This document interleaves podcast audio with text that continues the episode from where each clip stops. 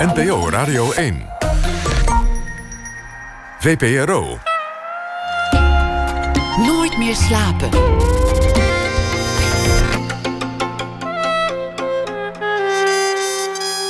Met Pieter van der Wielen. Goedenacht en welkom bij Nooit meer slapen. Jerry Hormoon komt op bezoek, zanger en schrijver. En hij is er na ene vanwege een nieuw album van zijn groep, de Jerry Hormoon Ego Trip. Met uh, Stout, Stout, Stout. Zo heet, het, uh, zo heet de plaat met daarop pareltjes als... Uh, is dat nou je vriend, vind je zelf ook niet dat je beter verdient. Katelijn Visser die, schrijft een beschouwing bij de afgelopen dag... en zal het voordragen na ene, maar we beginnen met Maarten van der Kamp. Nederland is een sensatie rijker. De etalages en de bladen puilen uit. Iedereen wil iets van hem, iedereen is op hem gedoken... vanwege het eerste fotoboek van Van der Kamp. Het is een boek over de Amsterdammers... Straatfotografie. Gary Winogrand en Willy Ronis en Ed van der Elske werden er ooit beroemd mee. En nu lijkt Van der Kamp dus hetzelfde te overkomen. Jaren aan één liep hij bijna obsessief dag in dag uit over straat in Amsterdam. Gewapend met een analoog fototoestel. En hij schoot rolletjes vol duizenden foto's. Snel, nog voor de passanten konden protesteren of poseren. Het geeft een beeld van het centrum van Amsterdam in de jaren 2013, 14, 15 en 16. Druk Gehaast, vol fastfood, drank en drugs. Soms lelijk, maar soms ook zacht en ontroerend. Maarten van der Kamp is geboren in 1981. Hij begon ooit als schrijver en uh, heel veel andere dingen, maar dat zullen we gaandeweg wel uh, bespreken. Maarten, welkom. Dankjewel. Dit is, dit is wat het geworden is. Een, een boek waar, waar nou ja, als, je, als je per uur betaald zou moeten worden, dan zou je denk ik een miljoen exemplaren moeten verkopen om dit eruit te halen. Want, want hier is zo ontzettend veel werk in gaan zitten in dit boek. Dat klopt, ja. Enig idee hoeveel uren je op die straat hebt gelopen met je fototoestel? Uh, uh, ik kan daar niet snel genoeg voor rekenen. Maar dat, misschien uh, heeft iemand een smartphone bij de hand. Dat is zeg maar van september 2013 tot wat erin staat, pak een beet, maart 2016 vrijwel iedere dag tussen de zes en negen uur rondgelopen. Hoe, hoe ging zo'n dag uh, in zijn werk? Hoe begon je? Want, want je wordt wakker, je neemt je kopje koffie, je rookt een sigaret of niet. Ja. Misschien een ontbijtje, dat weet ik niet. Ja, dat eh, hangt er vanaf of er iets in huis is uh, of niet. Maar dan zo snel mogelijk de straat op. Ja. En nou is het wel zo dat het, dat het, het uh, mijn ritme schoof vaak wel op dat ik niet zo van uh, in de ochtendspits al aanwezig was. Af en toe bewust wel, omdat ik dan denk, ja, dat moet ik toch ook meenemen in het hele plaatje. Ehm, maar meestal zo rond een uur of elf dat ik, dat ik buiten was en aan de slag ging. Elke dag, geen dag overgeslagen. Niet op vakantie geweest, niet een dagje je ziek gemeld van jezelf. Uh, vakantie uh, bestaat, bestond niet. Uh, en ja, nee, ja, ziek ben ik gelukkig niet zo vaak. Of ja, zelden of nooit. Dus als ik er nu zo over nadenk, vind ik het zelf ook best wel vreemd. Maar het is wel echt zo gegaan, ja. Gewoon Lopen. eigenlijk iedere dag zonder na te denken. Gewoon hop het centrum in en, en schieten en schieten. Hoe is het begonnen, dat project? Um, nou, ik was wel al langer uh, uh, aan het fotograferen. En um, uh, wel huwelijken gefotografeerd. En hier en daar een, een opdrachtje zakelijke portretten voor kleine bedrijfjes. Dat soort dingen. Dat vond ik allemaal niet zo leuk. het blijft fotografie. En ik vind aan fotografie eigenlijk alles geweldig. Maar uh, uh, het, het, was nog niet helemaal dat ik dacht, nou, dit is waarom ik wil fotograferen. Niet jouw vorm? Nee. En uh, um, ja, na wat voorzichtig, soort pootje baden, een beetje in, in, in mensen fotograferen. Eerst redelijk ver af en een beetje mooi zo plaatsen in een kader ergens. ja, voelde ik toch de, de de drang om uh, er echt bovenop te zitten. Dus uh, zo dichtbij mogelijk. Dat je ook meteen even weet of iemand een kegel heeft, ja of nee. eh, zou ik maar zeggen. Dat je een bewijs van spreken kunt ruiken. Dat, dat je de blik in zijn ogen heel goed kunt zien. Ja, En liefst iemand die niet poseert. Niet iemand die mooi gaat staan en jij maakt een portret, maar iemand betrappen in wat hij aan het doen is. Onderweg of, of ja niet, niet, onderweg. niet per se betrappen, eh, denk ik. Ehm, eh, betrappen, dat klinkt dan weer een beetje alsof ik iemand voor, eh, voor gek wil zetten. Zo van, want er staan in het boek staan mensen die peuteren in hun neus op straat. Of eh, die hebben net een hotdog vieze prut ijs rond hun mond of zo. Weet ik veel wat voor eh, dingen. Eh, maar daar, gaat het, daar is het me niet om te doen. Het is me erom te doen dat, het, dat dat soort kleine dingetjes even bevroren worden. Zodat we er naar kunnen kijken. In plaats van dat het je constant maar om de oren vliegt. En, want eh, eh, ik heb dan de, de tijd genomen eh, om dit allemaal zo te doen. Maar ja, als je een beetje een normaal leven wil leiden... dan kan je daar niet allemaal op letten natuurlijk. Dus het, het, het, het, waar het mij om gaat, is dat het allemaal, dat, dat het allemaal stilgezet wordt. Om er rustig nog eens eventjes naar te kijken wat voor, eh, wat voor bijzondere dingen er in het normale voorbijgaan gewoon allemaal gebeuren. Wat voor mensen er lopen, wat voor, wat voor momenten er zijn, wat er eigenlijk allemaal, allemaal gaande is. Hoe ging dat? Want je, je, stapt de deur uit met je camera, je hebt een paar rolletjes op zak, je loopt en ehm, je ziet mensen. Wat doe je dan? Meteen schieten? Of, of eh, iemand even aankijken? Of, of erover nadenken? dat, dat, dat hangt een beetje af van, eh, van wat en wie er rondloopt. Eh, bij de een, ehm, eh, stel iemand zit er- erg in zijn eigen wereld, dan is het een kwestie van dat mooi neerzetten of ja, goed zien te vangen op het moment dat hij net het diepste in zijn zucht zit, zal ik maar zeggen. Ehm, eh, en andere mensen, eh, ja, soms probeer ik net het moment van het eerste contact te vinden. eh, om dan al af te drukken. Voordat ze überhaupt echt doorhebben wat er nou aan de hand is. Ze, ze moeten nog niet kunnen reageren. Je moet, je moet die reactie voor zijn. Het moment dat ze denken: hé, hey, rot eens op met je camera. Of, of sta ik er wel mooi op. Of hé, hey, wat leuk. dat heb je dat is al nemen? poseren. Dat is al te laat. Het is wel ongevraagd eh, poseren. Ze hebben nog geen tijd gehad om te zeggen: ik wil dit niet. Of eh, wacht even, ik moet mijn neus nog poederen. Of, eh, Maar je komt heel dichtbij. Dus, dus iemand die zit, zit een hotdog te eten. Of met zijn vinger in zijn neus. Of, ze- of zijn ijs langs zijn kind te smeren. Of eh, verliefd naar zijn, eh, zijn vrouw te kijken. Of eh, geïrriteerd naar zijn kinderen. En jij komt er naartoe. Of geïrriteerd naar zijn vrouw. Of, of, of geïrriteerd naar de wereld. Dat komt ook vrij veel voor in dit boek. Ja. Dan camera heel dicht erop. En bam. Ja. Ja, dat, het, het, het was een beetje eh, eh, zoeken in het begin. Hoe ik het, soort van, hoe ik het kon krijgen zoals ik het voor me zag. Ehm, eigenlijk heel, heel eh sec. Dus niet, ja, niet, eh, niet aangekleed. eh, geen, geen flitsers of wat dan ook voor hulpmiddelen. Ehm, maar op een gegeven moment heb ik zo een beetje mijn ritme gevonden en een beetje leren aanvoelen dat als je, ja, als je ongeveer zo en zo dichtbij komt, dan merken de meeste mensen pas of al dat je er bent. Ehm, zoals je bijvoorbeeld eh, als je eh, naar een treinstation toe loopt, eh, dan is er altijd vanaf een bepaalde afstand reageert de straatverkoper op je.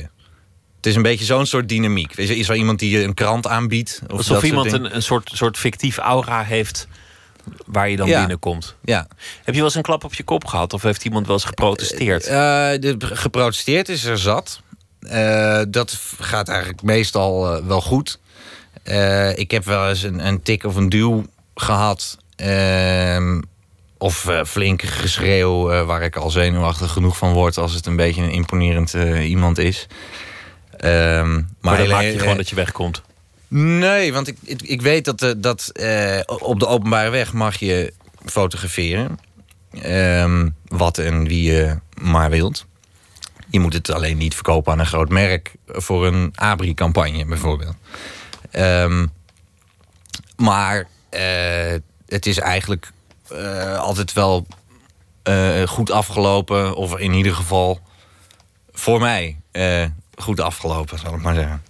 Ik hoorde de anekdote dat je tegen iemand zei eh, toen hij een beetje protesteerde. Nou, je wordt wel deel van de kunstgeschiedenis.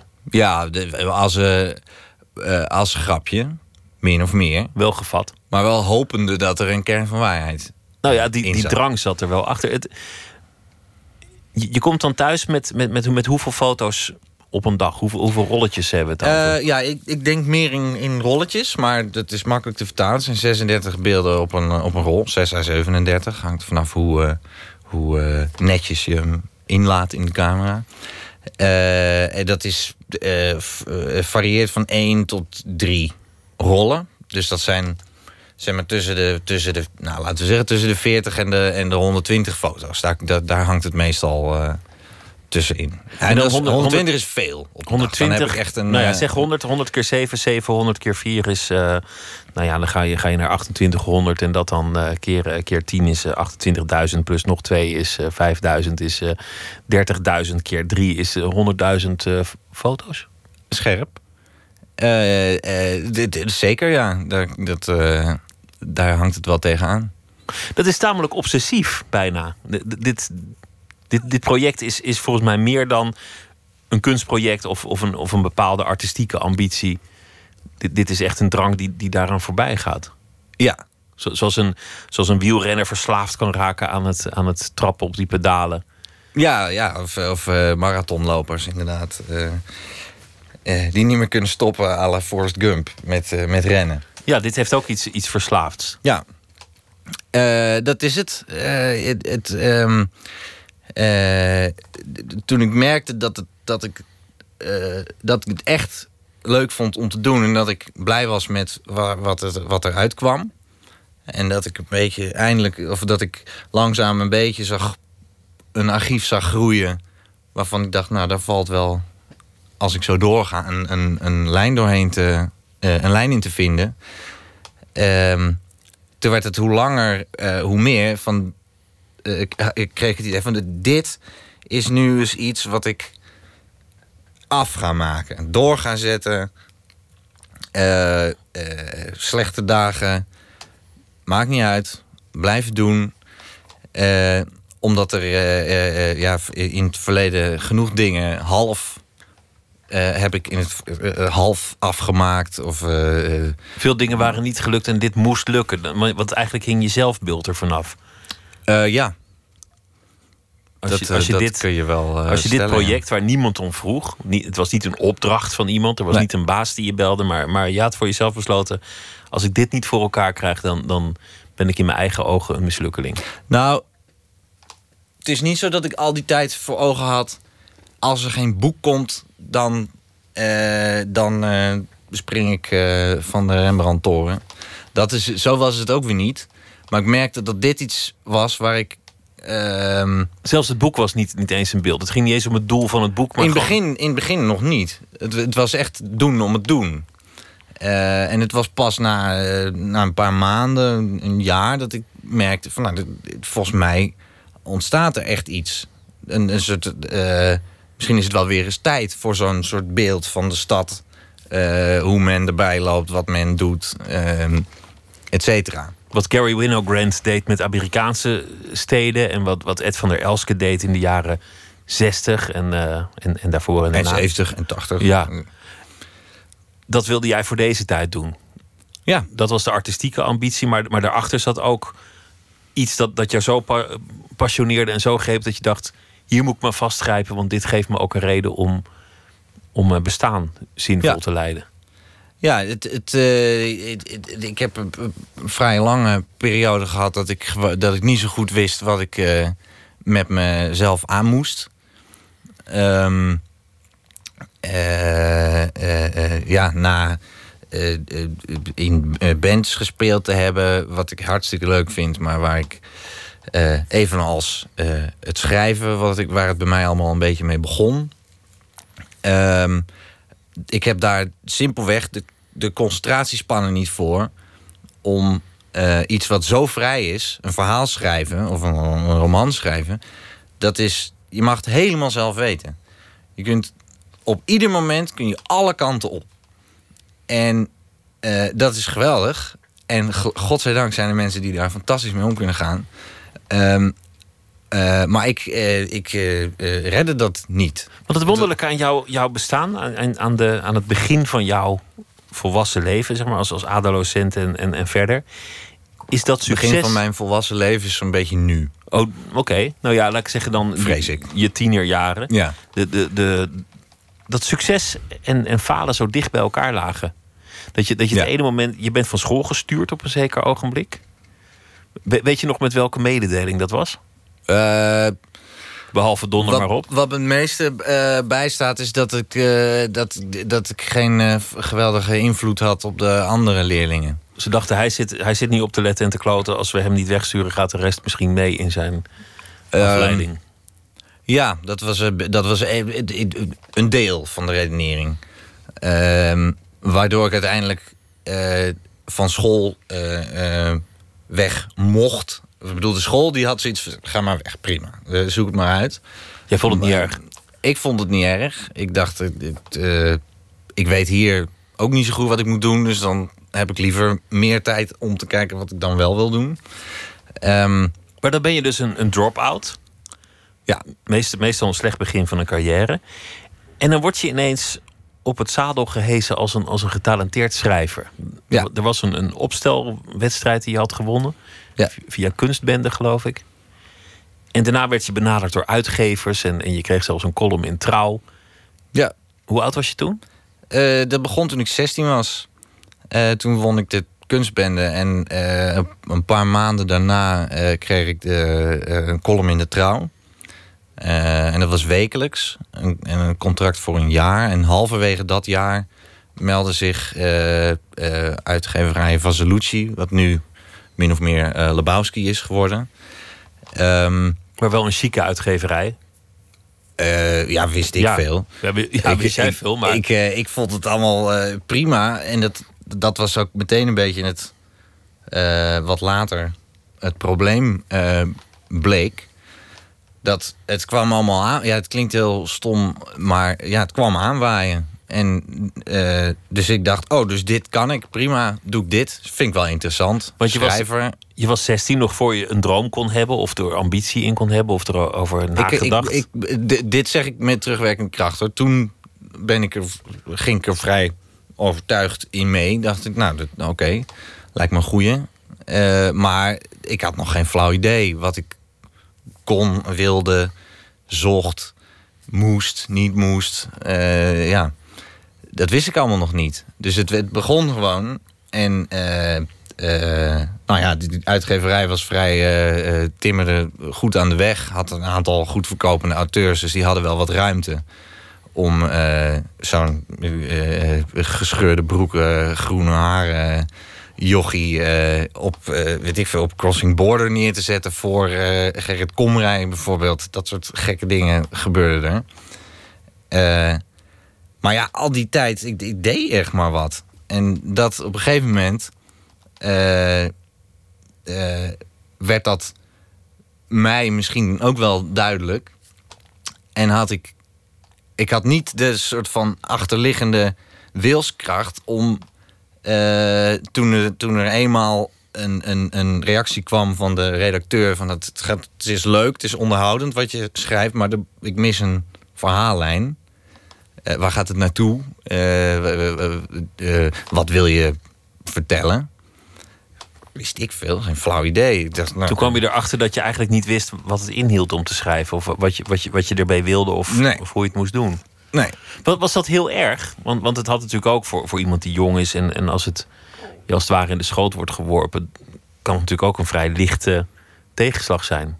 Mm, dat had gekund, maar ik, ik geloof wel dat ik mezelf eh, ook al wel toen zo serieus nam dat ik toen, eh, eh, toen de eerste, die eerste twijfel ontstond. Van, oh god, verhaallijn. Eh, Oké, eh, wacht even hoor. Eh, dus er moet iets episch gebeuren. Je had het idee dat je het waar moest maken. ja, toen, had ik, toen, toen begon het me opeens te dagen. Wacht even hoor, dit is een enorme kans natuurlijk. Om het meest fantastische boek te schrijven... wat een, iemand die van niks weet ooit geschreven heeft. Maar dat, eh, dat ging niet. Toen werd het me te veel.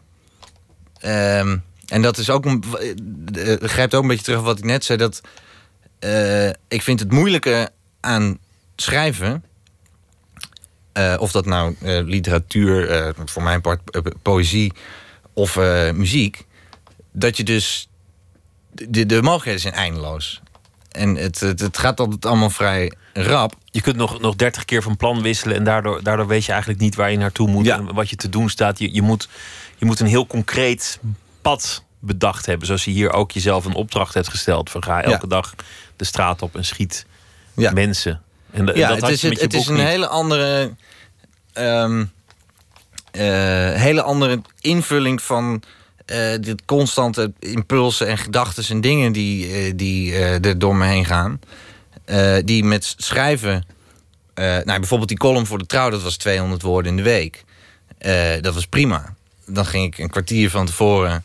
de eerste columns heb ik nog op een floppy naar de redactie gefietst. Overigens, dat vind ik zelf altijd heel grappig. Omdat het nu zo vanzelfsprekend is dat je alles gewoon overbliept. En et cetera.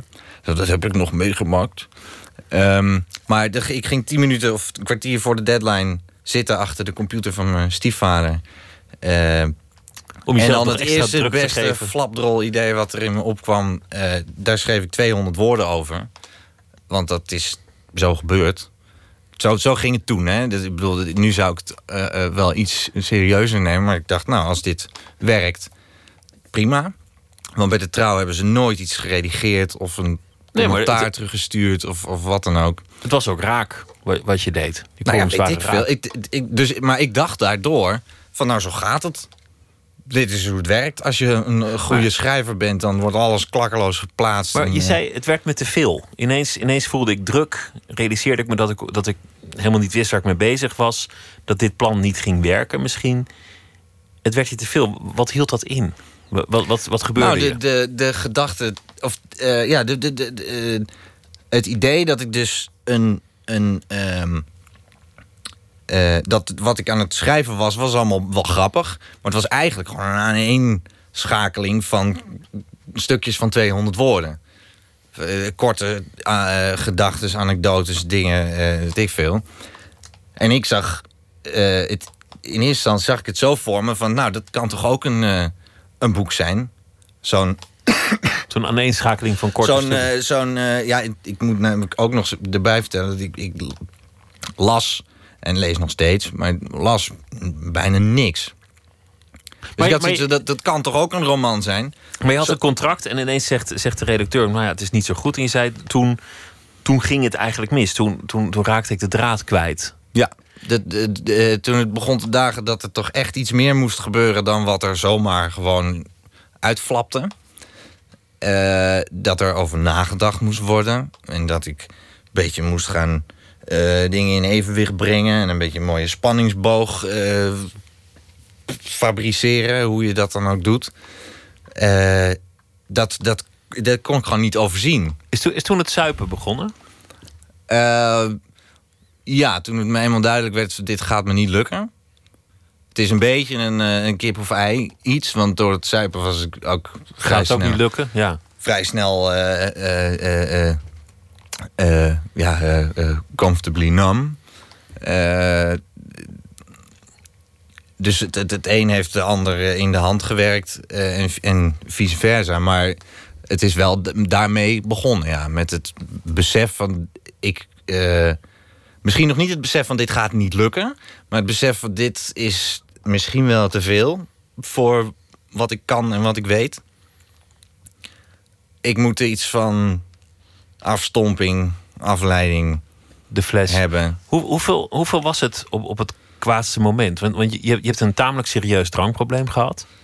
Ja, Wat, wat, voor, wat, voor, eh, wat, wat voor hoeveelheden hebben we het over? Eh, Of Is, telde je al lang niet meer? is, is het heel belangrijk dat ik dat eh, op de, op de Nou ja, cc af... eh, nee, dat weet, weet ik niet. Maar gewoon Nee, nee, maar- veel te veel. En, Maar, en maar is dat van, van wakker worden en meteen naar de fles grijpen, de hele dag dronken? Of Ik heb, ik heb eh, voor zover ik me kan herinneren, altijd wel geprobeerd om zo, zo lang mogelijk, tot zo lang mogelijk in de dag niet te drinken. Maar dat, dat, dat eh, was een, eh, hoe noem je dat? Een eh, futiele onderneming. Ja. Dat, dat begon meestal gewoon al wel vrij snel, ja. In die, in die rommelige fase van je, van je bestaan ben je tamelijk impulsief nog getrouwd op een zeker ogenblik. Ook, ja. Met iemand die, je- die je twee weken kende. Mm, nou, ik kende er langer. We waren twee weken samen. Eh, toen dachten we, oh, dat kan natuurlijk gewoon. Eh, we vinden elkaar lief, dus waarom niet? Eh, maar Kan dan moesten we nog hoor. wel even drie maanden in ondertrouw. Maar dat hebben we. dat ging prima. En toen, ja, toen konden we trouwen op, op dinsdagochtend. Gratis. In je, in je, in je alcoholistische fase. Ja. Dat heeft uiteindelijk niet gewerkt. Heeft nog, heeft nog wel even geduurd. Je komt uit, een, uit een, een familie die op papier tamelijk netjes is. Je moeder is dominee. Je, je, je vader is klassiek muzikus. Ja. Optredend artiest en een, een, een zanger. Hebben die toen nog contact met jou gehad in, in die tijd? Ja. Eh, ik- ja, eh, kan niet zeggen dat het meest eh, eh, eh, eh, hechte gezinssituatie eh, was. Maar dat ligt denk ik voor een groot deel ook aan mij. Dat ik ook wel, eh, hoewel ik het misschien in het begin nog dacht... nou, dit is een soort van fase of zo, even een beetje los... en dan ga ik daarna weer iets serieus doen. Niet beseffende dat ik er al lang in vast zat. Eh, dat ik wel ergens aanvoelde dat dat niet zo, niet echt in orde was. En daarom ook vaak misschien enigszins eh, eh, eh, eh, verschool voor mijn ouders. Er was toch een soort schaamte of, of een gedachte van... dit moeten ze misschien maar even niet zien hoe het nu met me gaat. Ja, dat is wel.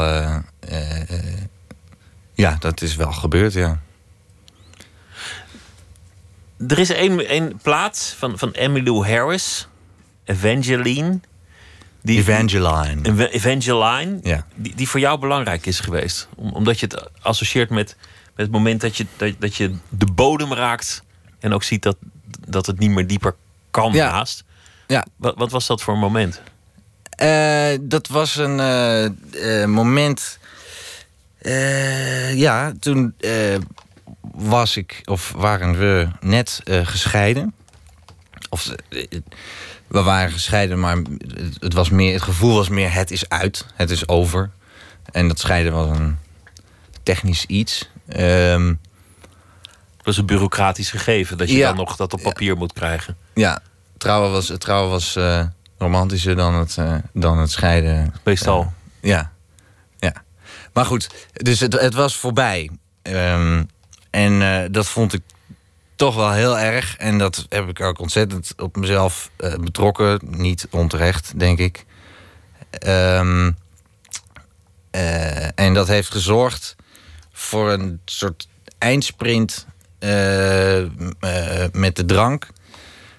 Die het allemaal nog even nog bonter maakte dan het al die tijd al was geweest. En ik, van die periode heb ik niet alles even helder voor me, maar inderdaad, eh, er is één nacht geweest dat ik eh, op het huis van eh, ouders van een andere ex-vriendin van mij aan het eh, passen was. Die waren op vakantie. En dat ik toen de hele nacht kei en keihard eh, dat nummer heb gedraaid. Omdat ik in die, in die hele delirische toestand... ik vond dat zo fantastisch en prachtig... dat ik... Het moest iedere keer... Het stond op eindeloos repeat... en het moest iedere keer harder. Nog harder. Het kan vast wel nog harder. Eh, dat de overbuurman opbelde... en eh, die was ontzettend aardig. Die dacht als iemand die plaat zo vaak draait, zal die wel verdriet hebben. Ik heb geen idee wat die man dacht, maar die was echt ontzettend aardig en, en eh, rustig. Ook begripvol leek het wel. Die, eh, eh, ik, ik weet niet meer precies wat hij zei, maar het kwam neer op... weet je, of zoiets, heb je door dat je de hele tijd dat nummer draait... en dat het echt heel erg hard staat? En dat hij dan ook nog, geloof ik, wel zoiets bij. Ik vind ook, het is ook een mooi nummer. Maar nou moet ik misschien wel zo langzamerhand een beetje gaan slapen. Maar hij maakte zich zorgen over jou.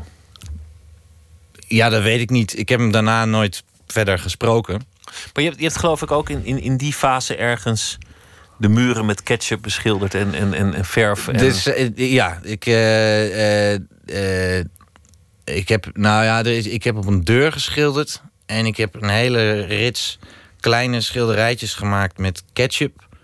Eh, omdat ik me altijd afvroeg waarom er op zo'n fles Heinz ketchup staat dat er 57 varieties zijn. Want ze maken gewoon ketchup. Eh, dus ik had gewoon witte schilderijtjes waar dan op stond de ketchup paintings 57 varieties en dan nummer 1 en nummer 2, nummer 3. En dat heb ik zitten maken en weer weggegooid uiteindelijk. Maar Een bijna manische fase dus. eh, behoorlijk, ja. Kun je het nummer nog horen? Want, want je hebt het zo vaak gedraaid. Eh, Roept het associaties op dat je denkt: nee, ik, ik wil het niet meer horen? Het, heeft een, eh, het heeft een tijdje wel een soort van Clockwork Orange-achtig effect gehad eh, op me. Maar inmiddels eh, eh, is ja, het, het, is wel gewoon. ja, Emmylou Harris is wel een stem die, die me toch wel geruststelt ook. Ah joh, we gaan het gewoon doen. Emmylou Harris met Evangeline. Wauw, oké.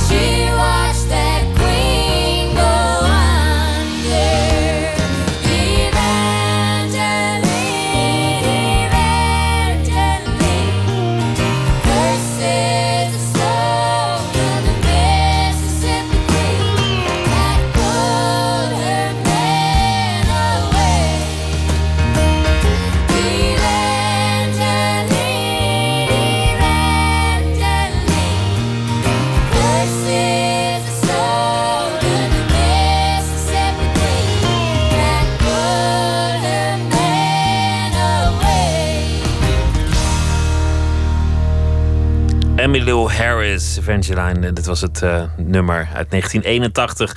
Achtergrondzang door Dolly Parton en Linda Ronstadt, maar liefst. Nooit meer slapen in gesprek met eh, Maarten van der Kamp, fotograaf. Het boek De Amsterdammers is uit. Het veroorzaakt een sensatie. De pers is erop gedoken. De, de foto's die worden ook in, in print besteld en eh, de etalages hangen vol. Nou ja, ga maar door. En eh, hoe, hoe staat het nu, nu eigenlijk? Want voor, op, op een zeker ogenblik, als je stopt met drinken en je bent, bent voorbij een zeker punt, dan, dan, dan is het ook een soort gevaar dat je bij je draagt. Je drinkt of je drinkt niet, maar alcoholist ben je voor het leven. Heb ik me wel eens laten dat, vertellen. dat, dat zeggen ze. Eh, eh, ik denk wel dat dat. eh, ik denk dat, dat iedereen die een dergelijk probleem heeft of heeft gehad, het heel irritant vindt. Maar het is wel zo, denk ik, dat het voor altijd bij je blijft. Eh, dus bij mij ook. Het is heel lang volstrekt vanzelfsprekend geweest dat ik, eh, dat ik het niet meer ging aanraken. Niet meer in de buurt. Ik had er geen hang meer naar. Ik wilde er niks van weten. Eh, omdat het, het ermee ophouden was zo ontzettend moeilijk. En eh, het daadwerkelijke afkappen en op bed liggen en spa rood drinken... eh, eh, was, zo, was echt gewoon eng. Dat vond ik gewoon eng. Ehm, Wat, vond je er zo eng aan? Om, omdat je dan geen hulpmiddel meer had om, om de wereld tegemoet te treden. Eh, ja, omdat met de dag werd, werd eh, de wereld duidelijker en, en eh, echter. En dus ook beangstigender. Waar ik me eigenlijk dus jaren voor, gewoon voor had afgesloten. Eh, door, met, door de drank. En, ehm, eh, maar dat was in, het, in het, de eerste week van het echt... Het, het, eh, het eruit zweten, het cold turkey stoppen... was dat, dat nog niet zozeer aan de orde. Het was gewoon pure eh, eh, paniek in mijn hoofd. Omdat dat is denk ik gewoon een fysiek iets. Dat het, het voelde constant of, al- alsof alles trilde. En alsof ieder moment het, licht uit kon gaan.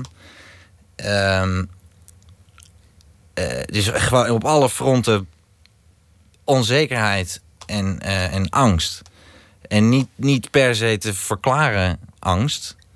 Eh, maar gewoon ontreddering en, en, en, en, en eh, ja.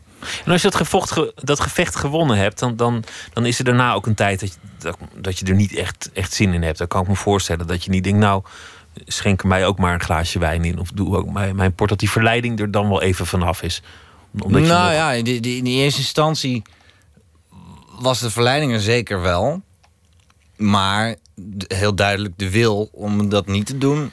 En na een, na een maand of twee ging dat over in eh, heel resoluut. eh, dus ook een soort veiligheidsswitch in mijn hoofd die automatisch aansloeg. Eh, eh, Want jij bent clean, maar je verslaving die, die, die doet push-ups om elk moment weer toe te kunnen slaan. Eh, ja, dat blijft. eh, eh, ja, het waakvlammetje blijft aan. Is, is er een terugval geweest? Ja. Er is een terugval geweest met het. in de aanloop naar het verschijnen van het boek. Toen er toch spanning was en veel opwinding. Dus dat heeft. dat was na, nou ja, pak een beetje negen jaar. Dat het plotseling. Misschien wel op dezelfde manier. Het werd allemaal heel veel. En heel echt. De eerste, de eerste dummy van het boek eh, kwam binnen bij de uitgeverij. Ehm, nou, en, zo, er allerlei dingen met het selecteren van de beelden en het, het realiseren dat het er eigenlijk echt ging komen. Eh, daarin het, sloeg er iets om waardoor ik het, het- even niet meer wist. En dacht ik, eh, daar gaan we weer. Misschien wel dat het zo'n soort idee opriep. Eh, eh, misschien kan ik het toch wel helemaal niet. Misschien wordt het eh, eh, juist door de gedachte. Misschien verpruts ik het nog wel.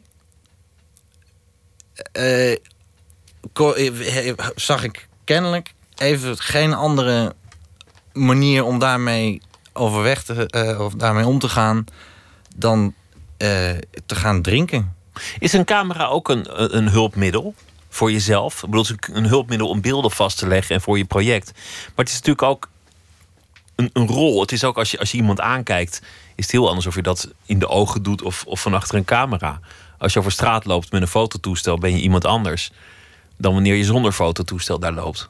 Je, je kunt Ja. altijd een pose aannemen of een gedachte hebben. Ik, ik ben fotograaf, ik heb een functie. Ja. Eh, ja, eh, dat, is het, dat is het zeker. Het is ook, ook eh, voordat ik heel obsessief hier met het werk wat nu in het boek staat bezig ging, was de camera wel altijd mee. En was het ook op een sociale aangelegenheid of desnoods als ik op de trein stond te wachten, eh, iets om te doen. Eh, iets wat ik zo van, nou, dit doe ik. Dus ik voel me nu een klein beetje ongemakkelijk. Dus ik ga een foto maken. En dan zit je toch, ja, niet per se eh, echt achter oogkleppen, maar. Je Zoals de meeste mensen, als ze alleen zijn en op iemand moeten wachten, tegenwoordig een mobieltje pakken. Dan gaan ze zo, zo heel interessant over dat ding zitten, zitten wrijven. Dat is natuurlijk ook om je een houding te geven. Ja. Ja, nou ja, dat, En dat doe ik ook dat- wel. Ja. Maar eh, eh, ik doe liever iets met mijn camera.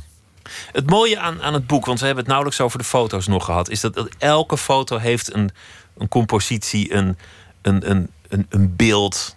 Er, er is altijd iets sterks, iets in een, in een lijn, een, een lichtval. De- er is steeds iets echt bijzonders. En dat is niet alleen maar van schiet maar heel veel plaatjes, er zit altijd wel wat tussen.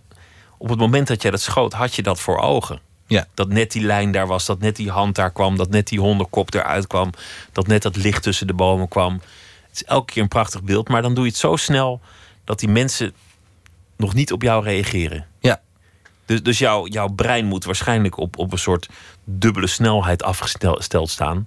Eh, ja, eh, nou ja, dat, dat is- het, voor mij is dat de normale snelheid. Dus ik, ik weet niet precies eh, wat een, hoe dat zich verhoudt eh, tot eh, een, eh, een normale snelheid. Maar eh, ja, je, je, je bent wel veel aan het, eh, aan het ja, soort van aan het rekenen, aan het kaderen, aan het, eh, eh, aan het opletten.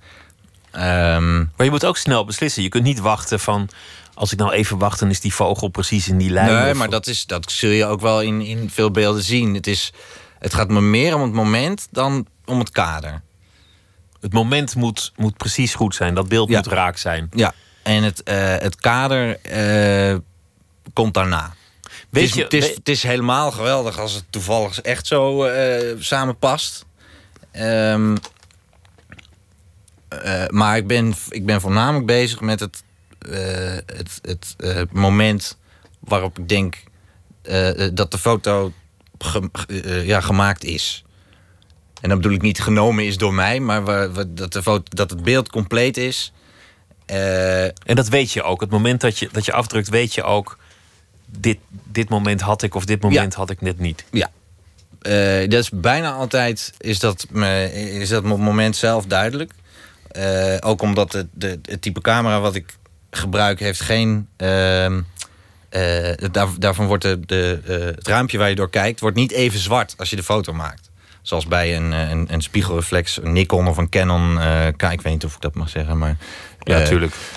eh, Iedereen slaapt hoor. De, de, Oh ja, tuurlijk, De, iedereen reclamecodecommissie. Ehm, eh, dus er is geen onderbreking in je zicht. Je, je ziet constant precies wat er gebeurt. Dus ook op het moment dat je afdrukt, weet ik precies of jij je ogen dicht had of eh, net daar. eh, wat je, precies wat je deed. Dus ik weet precies wat voor moment ik heb. En eh, eh, dat vind ik heel prettig eh, eh, eh, om meteen te weten. Niet zozeer omdat ik dan denk, oh, dit was hem niet, ik ga er nog een maken. Want dat kan helemaal niet. Want dan is het al, altijd al lang alweer voorbij. Want iedereen Maar is ook in meer- beweging. Het is meer voor, de, voor het verloop van de, van de dag. Dat als je weet van, nou, dit, is, dit was iets goeds. Dat je dan met een zeker eh, vertrouwen eh, verder gaat. Het gebeurt ook vaak dat eh, een, eh, foto's in het boek... dat het met eentje eh, begint... Ze zijn wel verdeeld over de pagina's, maar... dat het begint met eentje, maar dat er op dezelfde rol nog twee of drie staan omdat het een, een, een dag was die op een zekere. eh, ja, die, die, die, die zichzelf omhoog trok door hoe het begon. Is er een verband met het schrijven? Want, want je vertelt ook verhalen. Je vertelt anekdotes. In sommige foto's. Ehm, Althans, ik heb de neiging om het verhaal erbij te bedenken. Bij Ja. sommigen. Een, een jongen en een meisje knuffelen. Of Of, twee agenten die staan voor een leeg gebouw en proberen streng te kijken. Een dronken man. Een, een meisje dat net in de camera kijkt. Een, een toerist die een sigaret rookt. Ik, ik, ik probeer er verhalen bij te bedenken, merk. Ja. Is- Eh, ik, dit, dat is denk ik een van de leuke dingen aan, eh, aan eh, dit, dit type boek. Maar ik, voor mij is, het, is dit boek meer ook het, het geheel eh, wat een verhaal vormt. Gek genoeg. Dit juist een- juist een- datgene wat ik het allermoeilijkst vind, namelijk het lange verhaal, ben ik heel eh, blij mee en heel trots op in dit, eh, in, in dit boek. Hoe het zich als geheel. eh, Amsterdam is geen mooie stad, kunnen we wel zeggen. Het is, het, het is, het is niet een romantisch beeld. Het is niet een, een, een, een grootse stad. Het is niet het, het Amerika van Winnow Grant of het Parijs Nee. van Willy Ronis. Dit is, Amsterdam is, is lelijk, de mensen eten goor, iedereen is chagrijnig, mensen hebben haast, zijn niet met elkaar bezig. Toch, toch heeft het een enorme charme, maar als ik naar dit boek kijk, denk ik ja, het, het is ook een beetje een gore stad. Dat is toch heerlijk? Ik vind dat, ik vind Dat het meest romantische wat er is.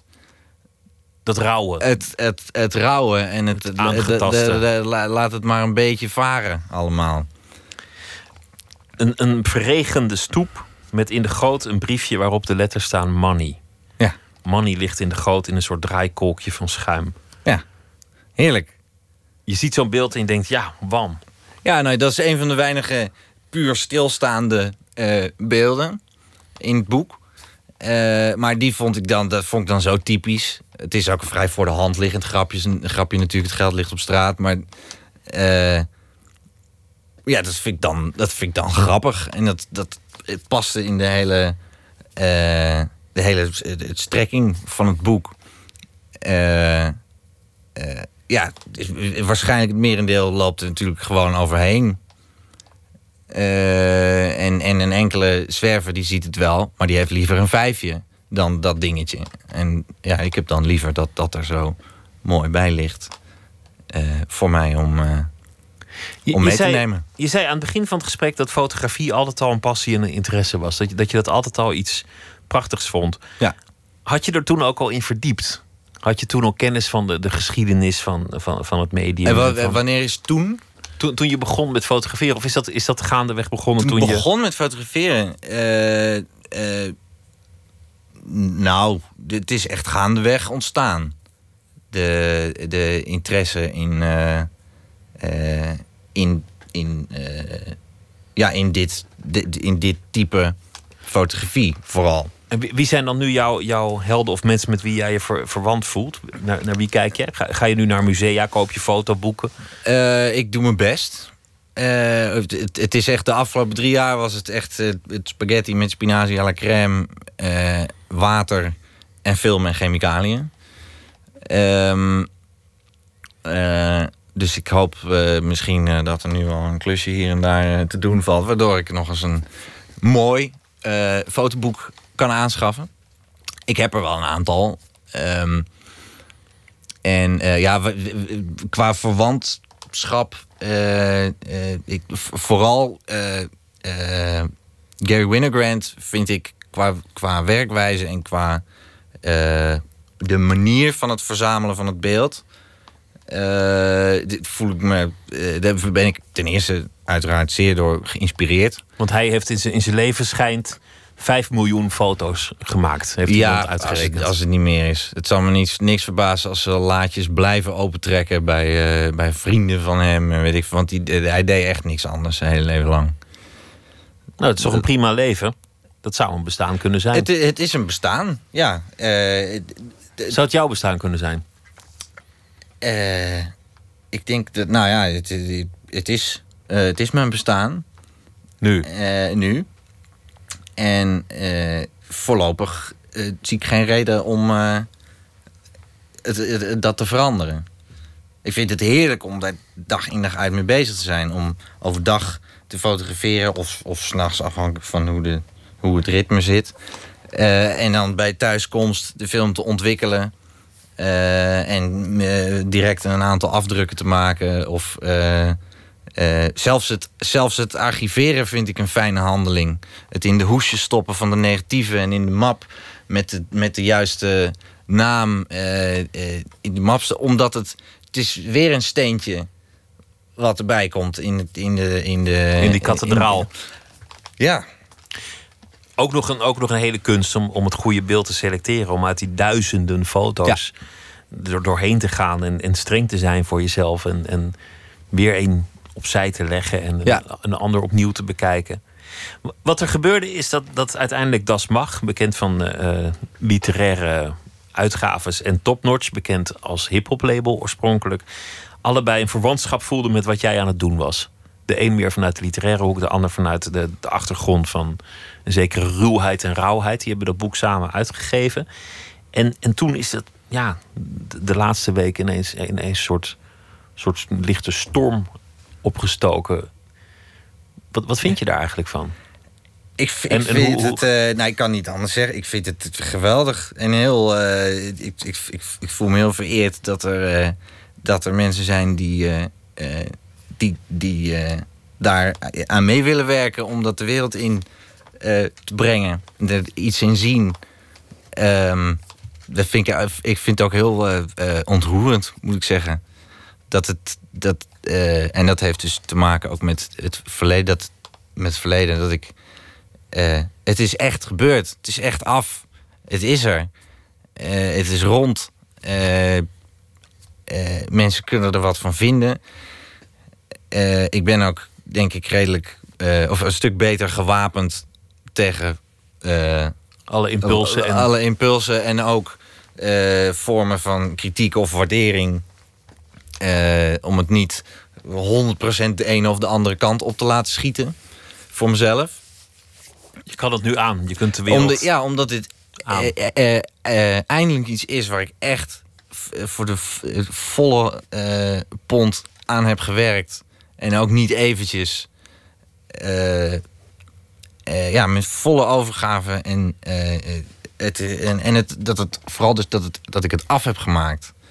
Dat is wat me nog het meeste doet. Dat het. nou ja, ja, goed, het hangt samen. Dat, dat het er is. En dat mensen er iets mee kunnen. Het licht in de wereld. Maarten van der Kamp, dankjewel. De Amsterdammers heet het boek. Ik wens je ontzettend veel succes met alles wat je gaat doen. En met al je tochten door de stad en, en andere dingen. En we gaan luisteren vanwege het eh Le Guess Who Festival in Utrecht. Dat eh, vandaag is begonnen naar een band die daar zal optreden. Namelijk zaterdag spelen ze Whitney. En we gaan luisteren naar No Woman.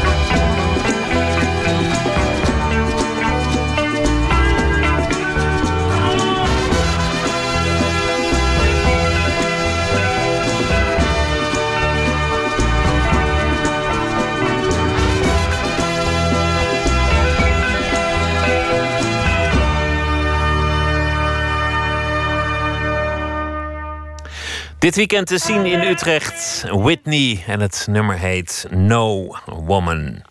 De zoon van Ed van der Elske hoort u zometeen in Nooit meer slapen. Daan van der Elske. Er is een eh, film gemaakt over eh, hoe het is om zoon van een beroemd fotograaf te zijn. En eh, wat er later in zijn leven is gebeurd. De documentaire heet De Erfenis.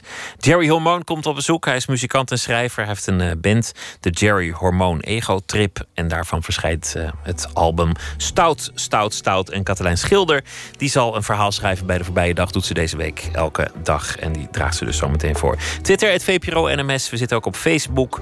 En u kunt ons eh, via de podcast ook terugluisteren. vpro.nl slash nooit meer slapen of via iTunes.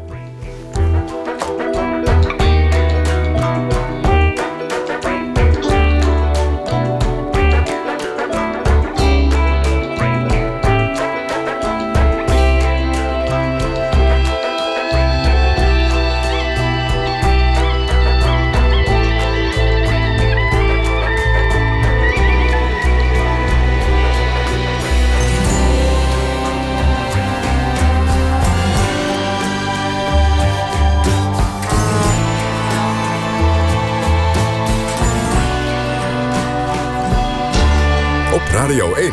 Het nieuws van alle kanten.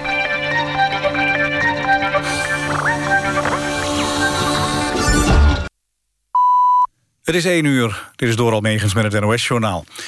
Een ruime Kamermeerderheid wil dat het kabinet volgend jaar 60 miljoen euro vrijmaakt voor hulporganisaties die helpen bij humanitaire rampen. Twaalf organisaties, waaronder CARE, Cordate, Warchild en Oxfam Novib... werken sinds april 2015 samen in het Dutch Relief Alliance. Het samenwerkingsverband is efficiënt, zegt de Kamer. Het kreeg bij de start 120 miljoen euro voor drie jaar. En hiervan is nu nog maar 7 miljoen over. Volgens de Kamer is er budget omdat er minder asielzoekers komen dan gedacht.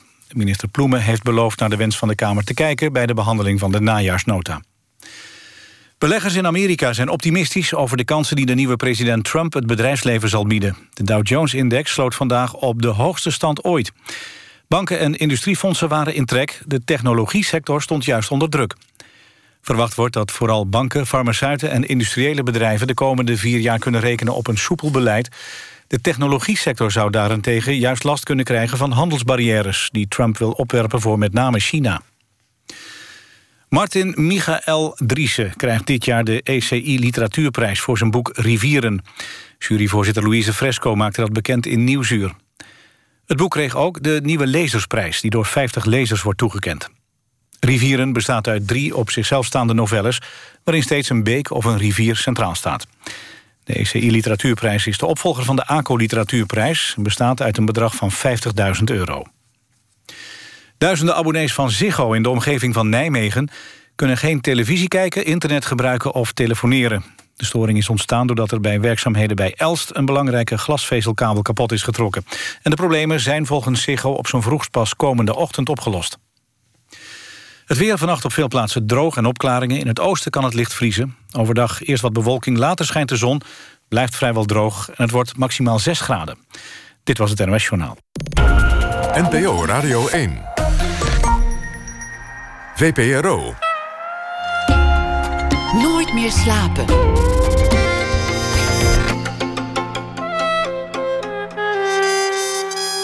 Met Pieter van der Wielen.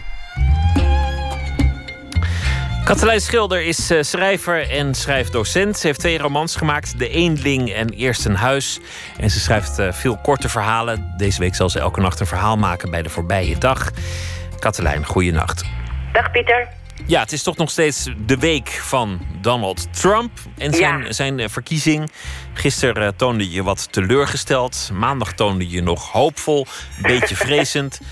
Hoe is, het, eh, hoe is het vandaag? Of waren er al andere thema's die zich opdrongen? Ja, ik dacht vandaag ineens... het zal je maar gebeuren dat je deze week iets geweldig moois hebt gedaan... en dat niemand er aandacht voor heeft gehad, omdat het net in de verkeerde week viel. Dus ehm, ja, dan eh, heb je een geweldig boek geschreven... of eh, een prijs gewonnen of een wereldrecord gevestigd... maar het is een beetje verdreven in de hoekjes van het krantenkatern. Dus Ja, daar kan- ging ik vandaag op letten. Het kan natuurlijk ook andersom. Dat er een groot schandaal over je wordt geopenbaard... maar dat dat net gebeurt op het moment dat iets veel groters in de wereld gebeurt... waardoor je schandaal eigenlijk niet landt en je ermee wegkomt. Oh ja, dat is een topweek. Ja, En, dat- ja, dat- zeg maar ja. de, de overspelige politicus die, die, die op 10 september 2001 werd betrapt. Die, die, is er, die is er toch een beetje mee weggekomen. Oh, daar ga ik wel even naar zoeken. daar heb ik zin in. Oké. Ja. Maar ik, eh, maar ik eh, oh, ja, ik- als een soort ode aan, aan iedereen die deze week iets geweldigs heeft gedaan, maar eh, niemand keek, eh, eh, viel mijn oog op, op de Hollandse jongen die een nieuw wereldrecord had gevestigd voor het zo snel mogelijk oplossen van de Rubik's Cube. En die jongen heet Mats Valk. Zo, nou, ik ben benieuwd. En het heet speedcuben. Dat is, vind ik ook een heel geweldig woord, speedcuben. Maar hier komt hij. Mats Valk zit zo gespannen op zijn stoel dat hij er bijna boven zweeft. Zijn knieën trillen onophoudelijk tegen de bovenkant van het tafeltje. Voor en achter hem lopen mensen met lege bekertjes koffie naar de prullenbak in de hoek van het zweterige lokaaltje. Iemand roept waar de schaar nou weer gebleven is. Wie er nog een cola wil. De jongen aan de andere kant van het tafeltje trekt de zwarte doek weg die over de kubus lag. Mats pakt hem op en bekijkt hem van alle kanten. Tien zetten vooruitdenken, terugleggen, de klok start. Alsof hij een afbakbroodje vasthoudt dat net uit de oven komt. Zo hanteert hij zijn eigen op maat gemaakte Cubicle Valk 3 Limited Edition met 48 magneten voor optimale lock-up reduction. Met extra felle stickers, want kleurenblind. Met slechts de toppen van zijn vingers draait hij de schijven sneller dan de ogen van de paar toeschouwers ze kunnen volgen. Alsof de kubus al maar heter wordt, gaan de bewegingen sneller en sneller, tot Mats plots de kubus op de mat gooit, met zijn handen de klok stilslaat en omhoog veert uit zijn stoel, alsof er een muis in zijn been is geklommen.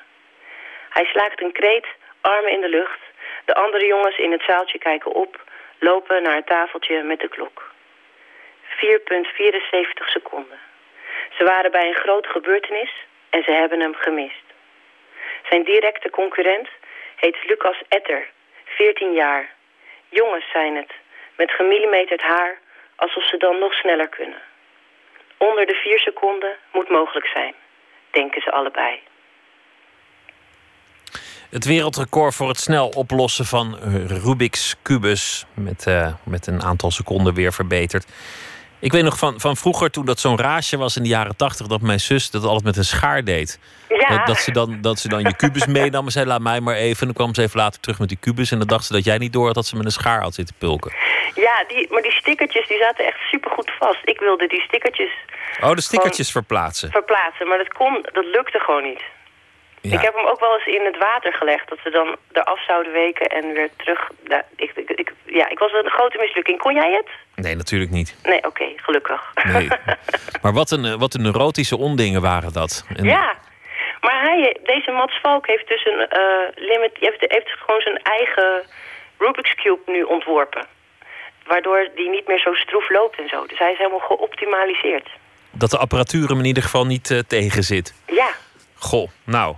Zomaar ondergesneeuwd door, eh, door Donald Trump met zijn, eh, zijn verkiezing. Dit belangwekkende nieuws. Katelijn, dank je wel. Graag tot morgen en voor nu een hele goede nacht. tot morgen. Dank je. Niemand eh, klinkt zo Brits als Mike Skinner, een van de leden van, nou ja, eigenlijk het enige lid van de band The Streets. En aan het begin van deze eeuw waren ze heel erg populair. Het is altijd leuk om dat vette accent even terug te horen. Een nummer uit 2004, Could Well Be In. Cause the last relationship fucked her up. Got hurt majorly, finds it tough to trust. Looks at the ashtray, then looked back up. Spinning it away on the tabletop. She looked much fitter than Saturday Joss. She worked in JD's with Dan. Back then I figured she was pretty damn rough. But she was only wearing her work stuff. And in these clothes she looked more than buff. She stirred her straw, sat up to adjust. I told her I thought it was important that you could get lost in conversation. Chatting shit, sitting in oblivion that person who's your special one. She said she was the worst pool player under the sun, but blokes go easy, so she always won. I saw this thing on ITV the other week. Said that if she played with her hair, she's probably keen. She's playing with her hair well regularly. So I reckon I could well be in. She didn't look too bored with what I was saying. Her hair looked much better than the other day. She had her fingers round her hair playing. I saw on telly, that's a good indication. Still enough to buy the next drink, though, nay. But I suppose that's just our girl's way. I'm trying to think what else I can say. Peeling the label off, spinning the ashtray. Yeah, actually, yeah, she did look pretty neat. Her perfume smell expensive and sweet. But I felt like my hair looked a bit chic. I wished I'd had it cut back last week. She kept giving me this look as she would speak. Was she only friendly or was she keen? Asked her if she wanted the same again to drink. So started to turn and get up out my seat. I saw this thing on ITV the other week. Said that if she played with her hair, she's probably keen. She's playing with her hair well regularly. So I reckon I could well be in. She said that her close mates all were always the most important thing to her. I said I thought it was a bit more blurred. She asked what I meant by that as she stirred. I told her about the money and what had occurred, with it going missing from the living room side, with my best mates all there standing by. Right where I left it, under their eyes, so surely one of them might have spied. What happened to my money at that time? I felt like they were all smiling on the side. She was like fair play, she couldn't say why. She didn't know what all my mates were like. And I said she just might be right. Wish I had someone I could always rely. Someone to get lost chatting to all night. I saw this thing on ITV the other week. Said that if she played with her hair, she's probably keen. She's playing with her hair well regularly. So I reckon I could well be in. As I walked back with more drinks to our place, she had her phone stuck to the side of her face. I sat for a minute while she chatted away about something with her mum and her birthday. Played for a bit with the same ashtray. Thought about things while I sat and waited. It was nice to chat about the shit in my head. Someone who just listens to you instead. I looked at the barman, wiping down again. Looked at the football on the TV set. Trying to look like I weren't just waiting there for her conversation to come to an end. I looked at my watch and realised right then that for three hours been in conversation. Before she put her phone down, she switched to silent and we carried on chatting for more than that again. I saw this thing on ITV the other week. Said that if she played with her hair, she's probably keen. She's playing with her hair well regularly. So I reckon I could well be in. I saw this thing on ITV the other week. Said that if she played with her hair, she's probably keen. She's playing with her hair well regularly. So I reckon I could well be in.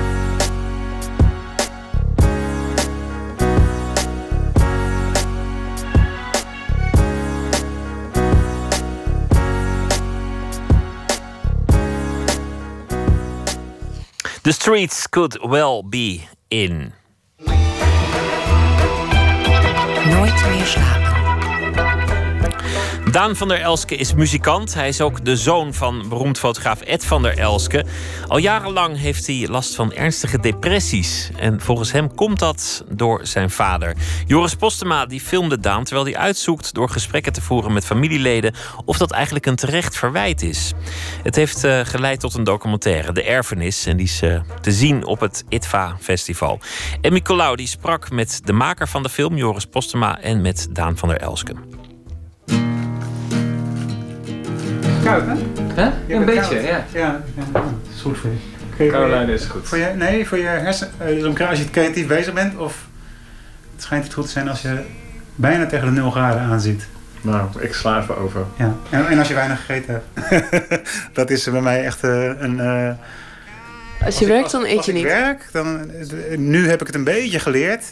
Maar vroeger helemaal, als toen, ik- toen mijn lichaam het nog kon hebben.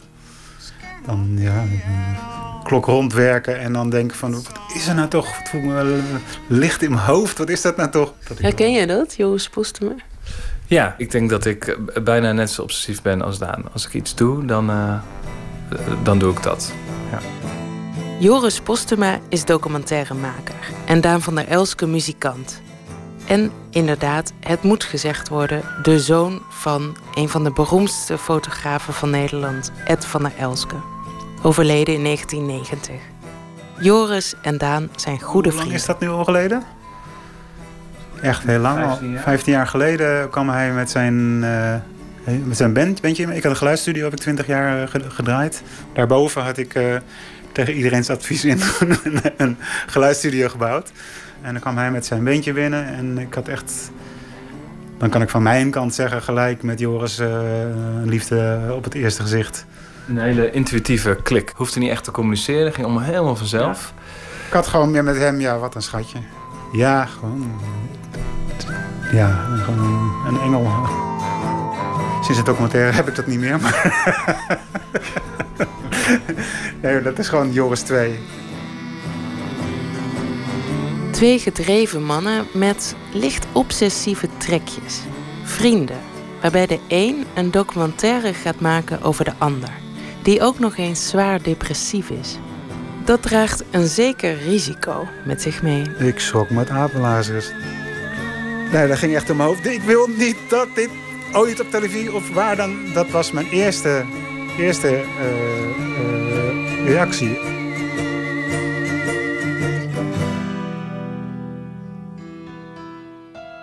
Daan van der Elske verliet op zijn vijftiende het huis en belandde in kraakpanden. Hij raakte aan het drugs en voor een periode zelfs aan de heroïne. De relatie met zijn vader was alles behalve goed. Moe- altijd strubbelingen met mijn vader gehad. Eh, vanwege hoe hij deed, vanwege hoe ik was, vanwege whatever. Ik denk wel dat, ehm, dat eh, Daan wat te weinig aandacht heeft gehad vroeger. Ja, en dat dat, dat, dat wel wat beter had gekund. Ik maak blijvertjes. Ik probeer blijvertjes te maken. Mijn foto's. Hè. Ik, ik ben niet met incidentele dingen bezig. En die maak ik niet voor de aapse reet. Dat moet een paar eeuwen meegaan. Een paar eeuwen? Ah ja, wat anders. Hoe hij de menselijkheid weergaf in zijn fotografie, fantastisch. Prachtig. Zijn, lief, zijn liefde voor de natuur, liefde voor de natuur als mensheid, prachtig.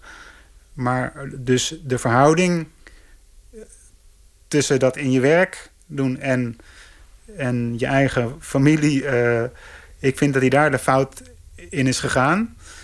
Ik denk dat hij waarschijnlijk vol liefde heeft gezeten. Maar toch heeft ge- gekozen om iets anders voorrang te geven. Boosheid is dus van, van, van, van... Come on. Neem even pauze af en toe van, van, van, eh, van je, je beroemd zijn en van je werk. En tegelijkertijd denk ik nu aan mezelf. Van neem even pauze. Ja, dat heb ik ook driekwart van mijn leven niet gedaan. Tien jaar geleden ongeveer belandde Daan na een periode van keihard werken en de zorg voor een zieke moeder voor het eerst in een jarenlang durende zware depressie. Ik was op een bepaald moment hier in de buurt zwembad was ik aan het, aan het zwemmen. Eh, ben baantjes aan het trekken en binnen eh, twee seconden klapte al mijn spiervermogen weg. En zonk ik naar de bodem. Ik naar de dokter toe de hele tijd van oké, wat is dit? Eh, tot hij op een bepaald moment zei van Daan, je bent depressief. Na een periode waarin het beter ging, verviel Van der Elske opnieuw in een uitzichtloze depressie. En toen, op enig moment, viel het woord documentaire. Volgens mij ging het zo. Ik was koffiedrinker bij Daan. En Daan vertelde dat hij een boek aan het schrijven was over zijn jeugd. Nou, dat was, dat was altijd een gesloten boek. Hè. We hadden het niet over vroeger. En al helemaal niet als zijn vader daar iets mee te maken had. En hij vroeg, kan je wat dingen lezen? Wat je ervan? Dat heb ik gedaan. Dat vond ik echt heel mooi. Dat vind ik nog steeds heel mooi. Dus ik hoop nog steeds dat boek ooit afkomt.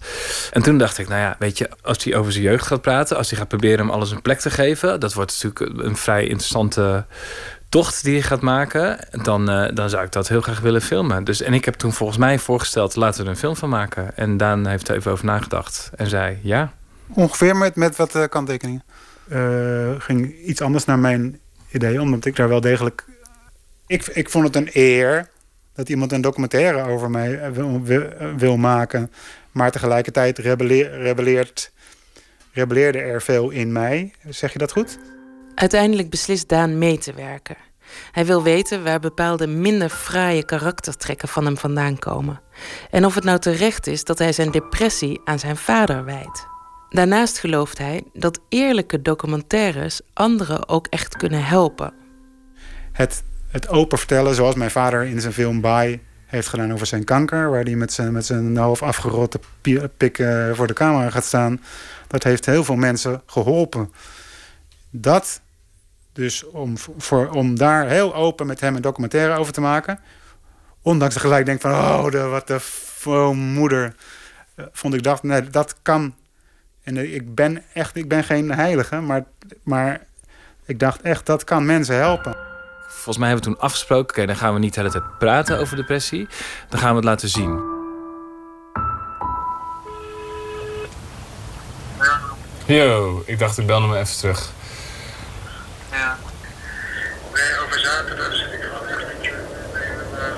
En dan weet je wat het is? Elke keer als ik je zover krijg om mee te gaan, voel je je beter. Dus, dus laten we dan gewoon proberen dit even vol te houden. Want anders lig je gewoon weer de hele dag in bed.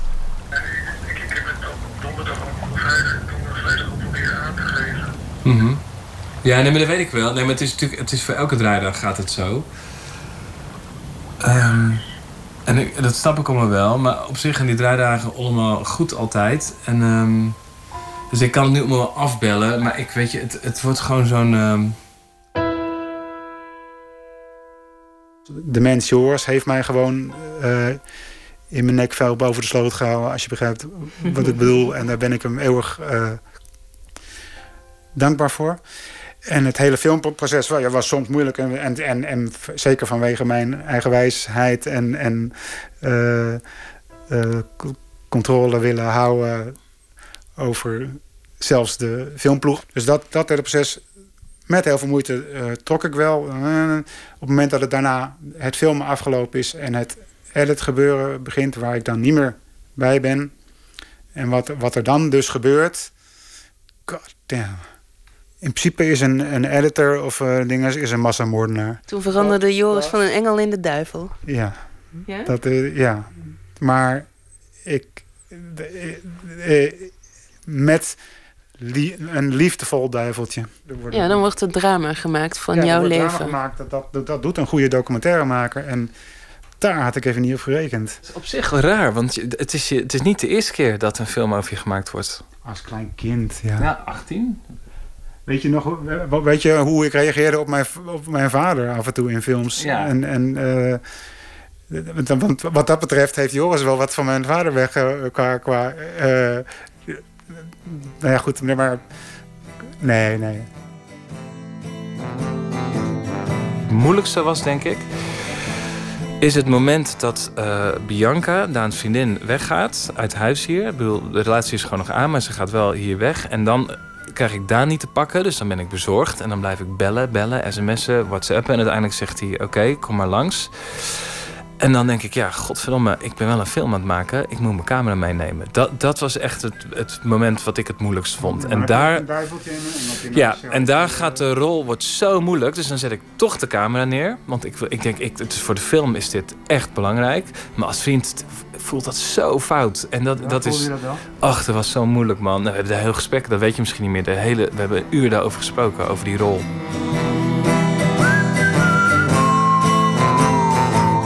Daan van der Elske is op zijn minst ambivalent over het eindresultaat. Maar hij beseft ook dat de documentaire hem veel gebracht heeft.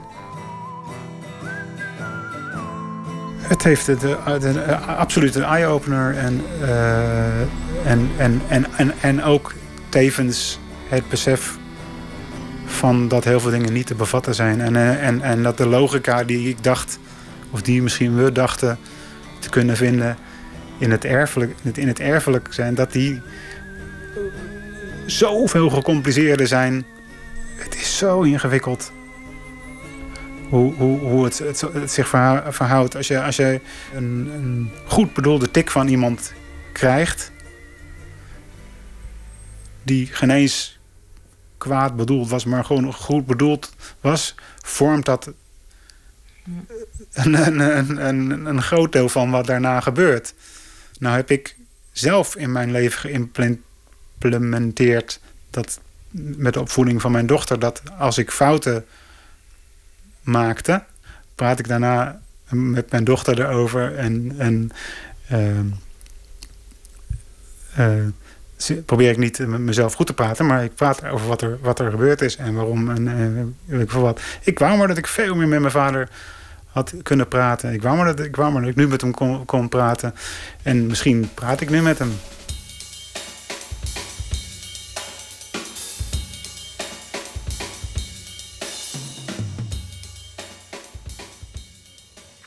De erfenis van Joris Postema gaat in première op het ITVA in Amsterdam. Een bijdrage van Emmy Collau was dat. Hij is eh, hier aanwezig en we gaan luisteren naar eh, iets van het debuutalbum Stout, Stout, Stout van Jerry Hormoon en zijn band de Ego Trip of de Ego Trip, hoe je het wil uitspreken. En dit nummer is een van de singles Josephine.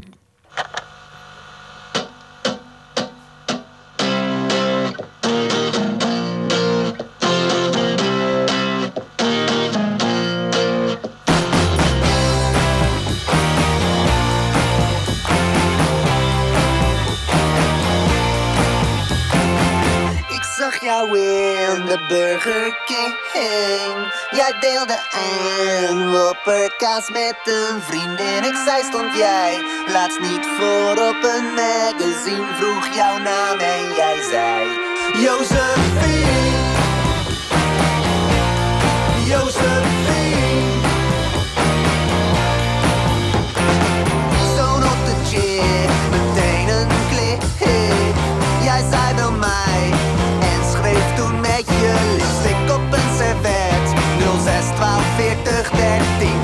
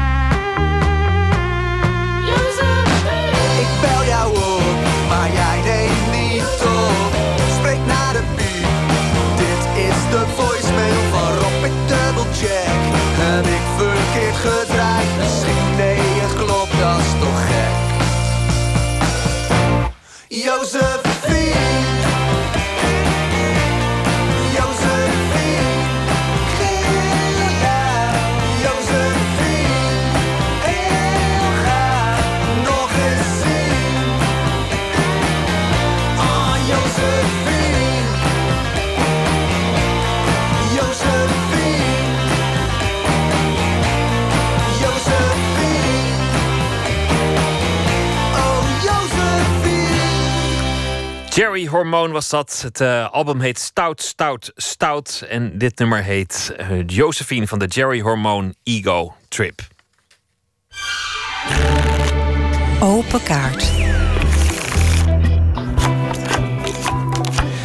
En de vragen komen gedeeltelijk uit een bak met kaarten. Met vragen die je zomaar aan iedereen zou kunnen stellen als je de moed had. Jerry Hormoon is hier. Eh, zijn eigenlijke naam is Jeroen Albers. Hij is schrijver en zanger, fro- frontman van verschillende bands. En zijn eh, nieuwste band heet The Jerry Hormoon Ego Trip. Het eh, wordt omschreven als de Trogs, maar dan met eh, Wim T. Schippers op zang. Of eh, Jacques Dutronc, wanneer die Nederlands zou kunnen. En het album heet Stout, Stout, Stout.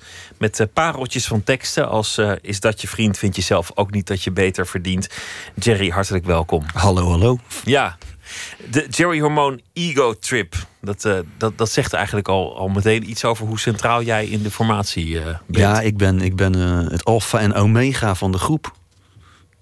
De frontman, de leider. De frontman, de, man- leider, het genie. De, de- degene om wie het allemaal en, draait. En, en degene die aan het eind van de avond opgeveegd moet worden door de rest. En in de bus gelegd moet worden en weer naar huis gereden moet worden. Ja. En daar in, die, in eh, eenmaal thuis ook uit de bus ge- getild moet, moet worden. Juist naar boven, trap op, in bed gelegd, toegedekt. Glaasje water naast mijn hoofd. Precies. Wat was er eigenlijk eerder, het schrijven of, of de muziek? Of is dat allemaal tegelijk eh, begonnen? Nee, voor mij is de, de muziek, dat was eh, toen ik 16 was, zat ik in mijn eerste bandje, The Raging Hormones. En daarom ook die, die, die, die rare achternaam. En dan ga je op tour naar Italië. Ja, en dan Jeroen, Jeroen. Nee, dan moet je dat, weet je wel, als je een internationale punkrock superster wil worden, moet je dus ook een beetje een geschikte naam hebben. Dus vandaar eh, Jerry Hormone. En zo noemt iedereen me, behalve mijn oma, mijn moeder en de Belastingdienst. Dus, Dat is gewoon je naam geworden. En, eh, als je eh, Jeroen zegt nu, als iemand nu Jeroen, dan, dan, dan, reageer, dan niet reageer ik niet. Nee, er is, er is niemand meer die, ja, behalve als mijn moeder het zegt. Zijn het ook verschillende persoonlijkheden? Heb je, heb je ook iets afgelegd door, door een nieuwe naam aan te nemen? Was het ook een afrekening? Poeh, is dat zo? Eh, nou, het er zit wel een harde knip tussen mijn middelbare schooltijd en dat ik in die band ging zitten. is dat een. Ja, dat weet, ik denk, denk dat het, de persoon en het personage zijn reeds eh, jaren geleden samengevallen. Ik kan, kan dat nu niet. eh, Ik, het is niet dat ik nu zo meteen thuis kom en denk dan, haha, ik ben nu Jeroen Albers in plaats van. Nee. Je, bent je bent het gewoon. Ik ben het gewoon. Ooit, ooit zong je nog in het Engels. Ja. Ja, ik, ik ben deze band ook aanvankelijk begonnen in het Engels. Het is een beetje van die 60s garage met hier nou wat psychedelica Ja. dingetjes. En dan, eh, nou, dus dan dacht, ga, je dat, ga je dat ook doen, weet je wel? En dan ga je dus in, in, in het Engels zingen. Ja, weet je, al die 60s bands die zingen allemaal over, over LSD en allemaal eh, hobbits en, en dat soort dingen. Ik heb niks met hobbits en LSD. Ik ben, ik ben veel te angstig voor psychedelica. Ik bedoel, eh, voor de rest vind ik het allemaal hartstikke leuk. Maar precies, precies dat wat de jaren 60 qua psychedelische muziek groot maakte, dat zijn allemaal dingen waar ik me ver van hou. Eh, dus op een gegeven moment loop je dat eigenlijk gewoon een beetje na te doen. En toen dacht ik, ja, dit, dit kan ik toch beter. En als, als woorden al tot, tot je talenten behoorden, omdat je schreef. Het is natuurlijk ook wel mooi om die taal te gebruiken. Nou, het, ja, het, het- ik ben natuurlijk in het Nederlands ben ik veel behendiger dan in het Engels. En, ehm, maar er is natuurlijk ook jarenlang is er zo'n beetje dingen. Ja, als je in het Nederlands zingt, ben je toch een beetje een Marco Borsato of zo. En dat is toch de laatste jaren eh, door, door wat er met hip-hop gebeurt bij Top Notch, maar ook eh, weet je wel met een eh, Lucky Fons en de Kick. Het is, het is, het is wat. het, het, het, het kan weer. Ik ben gewoon een enorme meeloper. Nee, maar het is wel dat het met mijn, met, met, met mijn schrijven en muziek, dat valt nu helemaal in één ding samen. Dat is heel fijn. De teksten zijn eh, vrolijk, relativerend en humoristisch. Eh, bijvoorbeeld, eh, dood ga, ga je, gaan we allemaal. Dood ga je toch? We gaan allemaal. Ja, dood, dood, dood. We gaan allemaal dood. Dood, dood, dood. We gaan allemaal dood. Vandaag voel je je kerngezond, morgen lig je onder de grond. Ja, en nou, dat is een lekker relativerend. En dan een heel vrolijk nummer. Ja, dat Een, een nummer om op te dansen, te springen en te is drinken. het is een meezinger. Kijk, het is natuurlijk als je iets het zingt over ons allemaal, want we gaan allemaal dood. Kijk, voor mij moet het nog bewezen worden. Maar ehm, ja, dan, dan, als het over ons allemaal is, is het toch leuk als we dat met z'n allen mee kunnen zingen. Een soort memento mori, allemaal. We gaan toch dood. Ja. En dan lekker ellendig zo. Iedereen gaat dood, zelfs je kinderen gaan dood, weet je wel. Dat is gewoon. eh, dat is lekker, dat is lekker. En net als de. de, de de, de Smiths, weet je wel, die zingen de meest ellendige shit over hele vrolijke girlfriend in a coma. I know, I know it's serious. Wat ook een hele grappige tekst is, uiteraard. Maar dat is natuurlijk als je vriendin in een coma ligt, dat is helemaal niet zo om zo vrolijk over te zingen. Maar dat is, dan gaat het lekker schuren, dat is leuk. Dat is, dat is wat ook in je literaire werk volgens mij uiteindelijk eh, een, een constante is. Een, zekere vrolijkheid en humor. Maar ook wel altijd met oog voor, voor de duisternis en, en de, de wat ruwere kant van, eh, van het bestaan. Het is nooit zomaar alleen maar lichtvoetigheid en, en, en vrolijkheid. Het is, het is altijd vrolijkheid met wat, wat wrangs eronder. Ja, maar de, de, kijk, het, het, het, het leukste eh, vermaak is natuurlijk ehm, leedvermaak of, of zelfmede leedvermaak. Ehm, ja, het is, het, is, het is natuurlijk pas grappig als het ergens een beetje pijn doet. Als het een beetje scheurt. We zijn, niet, we zijn niet André van Duin natuurlijk, weet je wel. Is, Nee. eh, ook, ook, ook een artiest daar niet van. Ja, Ja, nee, nee, nee, bedoel dat niet, maar, dat is, dat is Maar niet... ehm, het ligt ver van wat jij doet, laten we het zo zeggen. ja. Laten we beginnen met de kaart. Hier eh, zijn ze. Ik wil je vragen om er één te trekken ergens Ja. halverwege of op twee derde. Of, eh, ja, ik, nou, het halverwege begin ik dan. Lees jij hem voor of lees nee, ik hem ik, voor? ik vind het wel leuk als jij het doet. Oké. Wat is je vroegste jeugdherinnering? Ja, weet je die? Ehm, ik zit even te denken hoor. Ehm, vroegste jeugdherinnering. Eh, ja, nou, dit, ja, dat is met jeugdherinneringen, weet je wel. Dat is, dat is vaak, dan is, is, is, dan is er iets leuks gebeurd. En dat is je zo vaak verteld dat je niet zeker weet of je het je herinnert. Of dat, dat je het gewoon. eh, Ze zijn onbetrouwbaar. dat je het, ja, of je het inge- ingevuld hebt. Maar ik heb een keer toen. ehm, was mijn vader, die moest even, weet ik veel wat, in de tuin iets doen. En toen had ik de deur op slot gedaan, achter hem. En toen kon hij dus niet meer naar binnen. En toen ben ik fotoalbums gaan kijken, blijkbaar. En toen heeft mijn vader heeft een ruit moeten inslaan. Omdat ik eh, anders waarschijnlijk mezelf van kant had gemaakt. Door Jij me open te halen aan. Het was te klein om open te doen of je vertikt het. Ik vertikte het toen al. Heel goed. Volgende vraag. Wat wil je absoluut nog maken? Oh, ik zou heel graag een horrorfilm schrijven. Oh, dat zou ook wel een goed idee zijn als je dat zou doen, denk ik. Ja. Nou, dan zijn we het daarover eens. Ja. dat, eh, En, en heb je al een idee voor een plot? Wa- Wat het zou worden? Zombies of, eh, of, of buitenaardse wezens? Ik, had, ik, was, of, ik was een keer begonnen met een script dat heette Zombie. En dan was, eh, dan was, maar dat was dan een, een, een, een, een biseksuele zombie, was dat dan. Die mannen en vrouwen aanvalt. Ja, eh, he, he, eh, he, of she likes... Dat is uiteraard een vrouwelijke zombie. Eh, want dat is wel zo sexy. Eh, eh, she likes boys, she likes girls, she loves brains. Dat was, dat was mijn tagline. Ik heb ook niet meer dan de titel en de tagline... maar misschien moet ik er eens wat mee doen. Ben je fan van het genre? Ja, erg. Maar wel vooral oude meuk. We we beginnen zeg, nou goed, weet je wel, van die, van die Duitse, hoe noem je dat? Het kabinet des Dr. Caligari, allemaal van die, van die, hoe heet dat nou joh? Er is een mooie naam voor. Duits, Duits expressionisme. Van de jaren, jaren 20 sorry. En dan eh, eh, die, die eh, jaren 30 eh, Universal horror monster dingen stof. En dan zo'n beetje tot met jaren 70. Wat vroeger slashes uit de jaren 80. Maar daarna is mijn... eh, ja, nee. Dat is een beetje zodra de computer graphics erin komen. Dan, ik, wil, ik wil rubberen monsters zien. Geen computerspelletjes. Ik vind het altijd de mooiste wa- wanneer er een lichaamsdeel een eigen leven gaat leiden. de hand of de voet of, eh, of het been. Dus er zijn, er zijn eindeloos veel horrorfilms gemaakt rond dat thema. Als het doden maar weer tot leven komt, ja, dat is mooi. Dat ja, ik heeft ook een heel lijk, maar soms, soms alleen de hand. Dat, dat vind ik eigenlijk het mooiste. Dat het zo absurd is. Ja, ja in, in, het zou ook eigenlijk niet moeten kunnen. hè, Want het is natuurlijk als je een zombie doodschiet, dat, dan, weet je, dan, door, dan moet je door het hoofd doen. Als de hersens niet meer werken, if you, if, if you shoot the brain, you kill the ghoul. Dus, dus in het George Romero-universum van zombies zou, kom- komt een hand nooit tot leven. Dat, eh, eh, Laten we nog een vraag Ja, eh, tuurlijk. trekken. Waar hebben je ouders je altijd voor gewaarschuwd? Ja, mijn ouders die waren dus heel goed in mij voor allemaal dingen niet waarschuwen. Mijn ouders die dachten op een gegeven moment, toen was ik een jaar of 14, 15... en toen dachten ze, het wordt helemaal niks met die gozer. Of tenminste, alles wat zij zeiden, dat, dat, dat leek toch precies het tegenovergestelde. Eh, dus die, zij hebben mij nooit echt eh, gewaarschuwd. Ze hebben je vrij vroeg al een beetje opgegeven. Ja, of vrijgelaten. Ik ben niet heel achterlijk, dus ze dachten wel van... nou, het zal misschien dat het een keer goed komt. Nou, mijn moeder was er heel bet- nadat ik jaren in bandjes had gezeten... waar ik geen roggel mee verdiende... en wat eigenlijk gewoon, eh, nou ja, ben je zes weken op tour in Amerika... ben je zes weken dronken in Amerika. Weet je? Dat is een soort van... ehm, toen ik kinderboeken ging schrijven... en toen daar eh, toen er een beetje centjes binnenkwamen...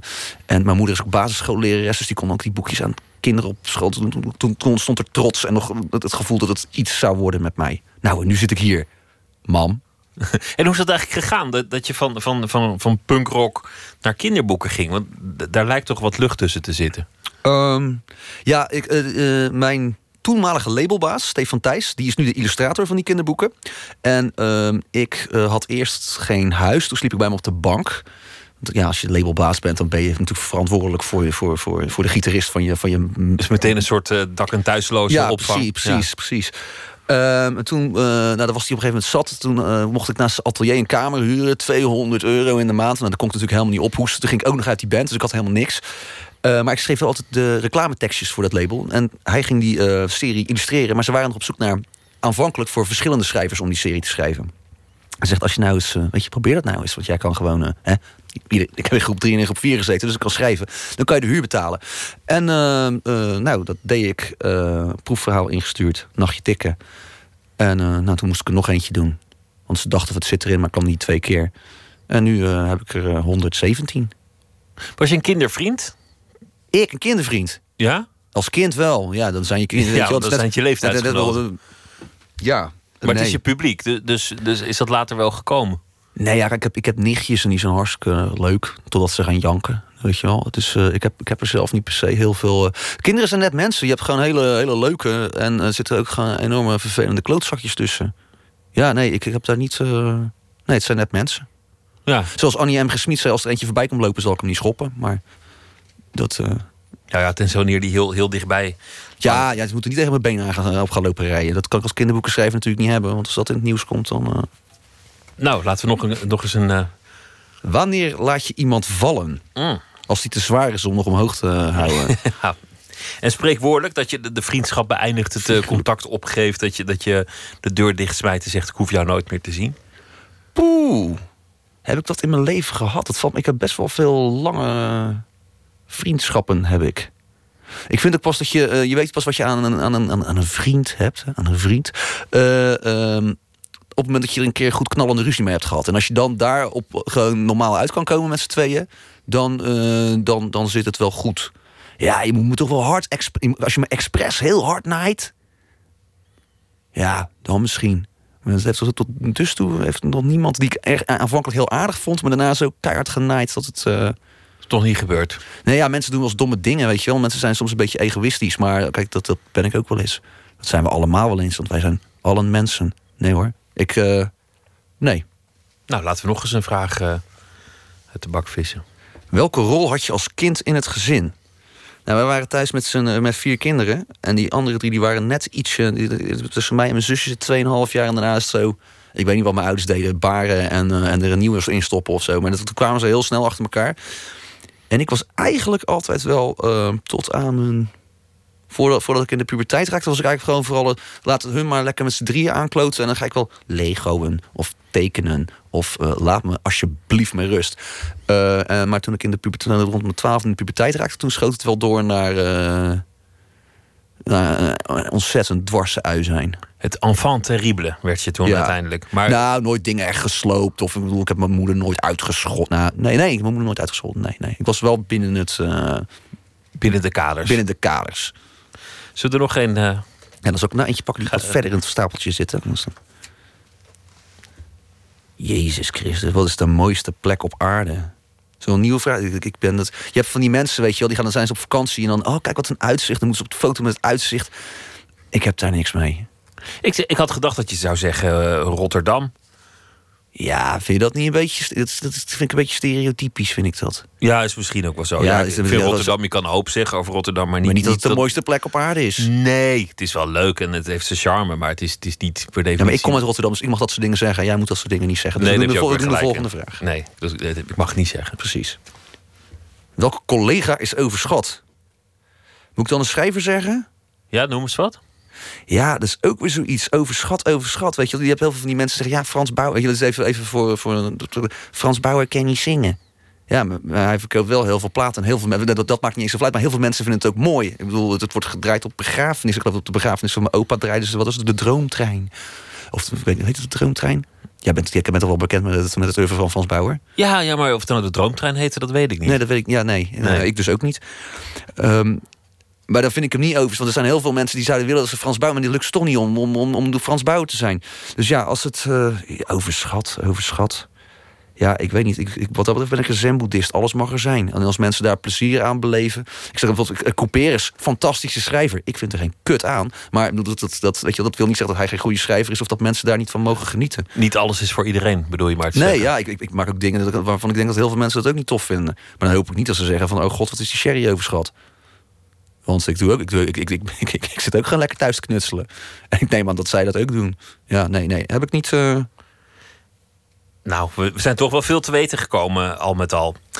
Je verhalenbundel van eerder dit jaar heet Het is maar bloed. En dan is er ook een eh, nieuw album, Stout, Stout, Stout... van de Jerry Hormone Ego Trip.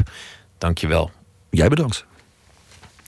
Onlangs verscheen Chapter 1, The Kiteboard Legacy Begins. Een documentaire over het kiteboarden. Daarbij is muziek gebruikt van de Britse zanger-gitarist Fink... die eh, de soundtrack ook nog apart als album heeft uitgebracht. We draaien het nummer Wheels.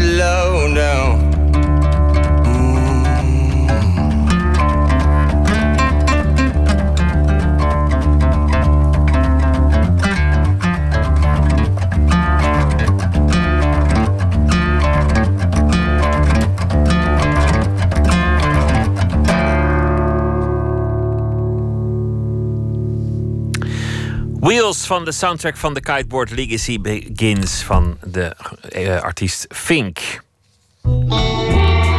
Nooit meer slapen. We bezoeken het museum dit keer niet met een eh, conservator of samensteller of directeur of artiest, maar met de Suppost. Want eh, al wordt het woord niet meer zoveel gebruikt, de Suppost is een vaste verschijning in elk museum. Het laatste deel van de serie met Ernst van Keulen, werkzaam bij het Scheepvaartmuseum in Amsterdam. Ik ben Ernst van Keulen. Ik ben educator hier in huis. Dat wil zeggen dat ik een beetje de vertaler ben tussen de wetenschappelijke informatie aan de ene kant en de verschillende doelgroepen van kleuters tot en met eh, geïnteresseerde mensen aan de andere kant.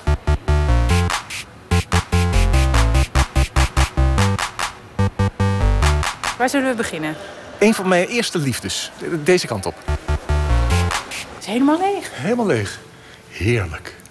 Ik hou erg van gasten in het museum. Maar soms is het ook lekker om het heel eventjes voor jezelf te hebben.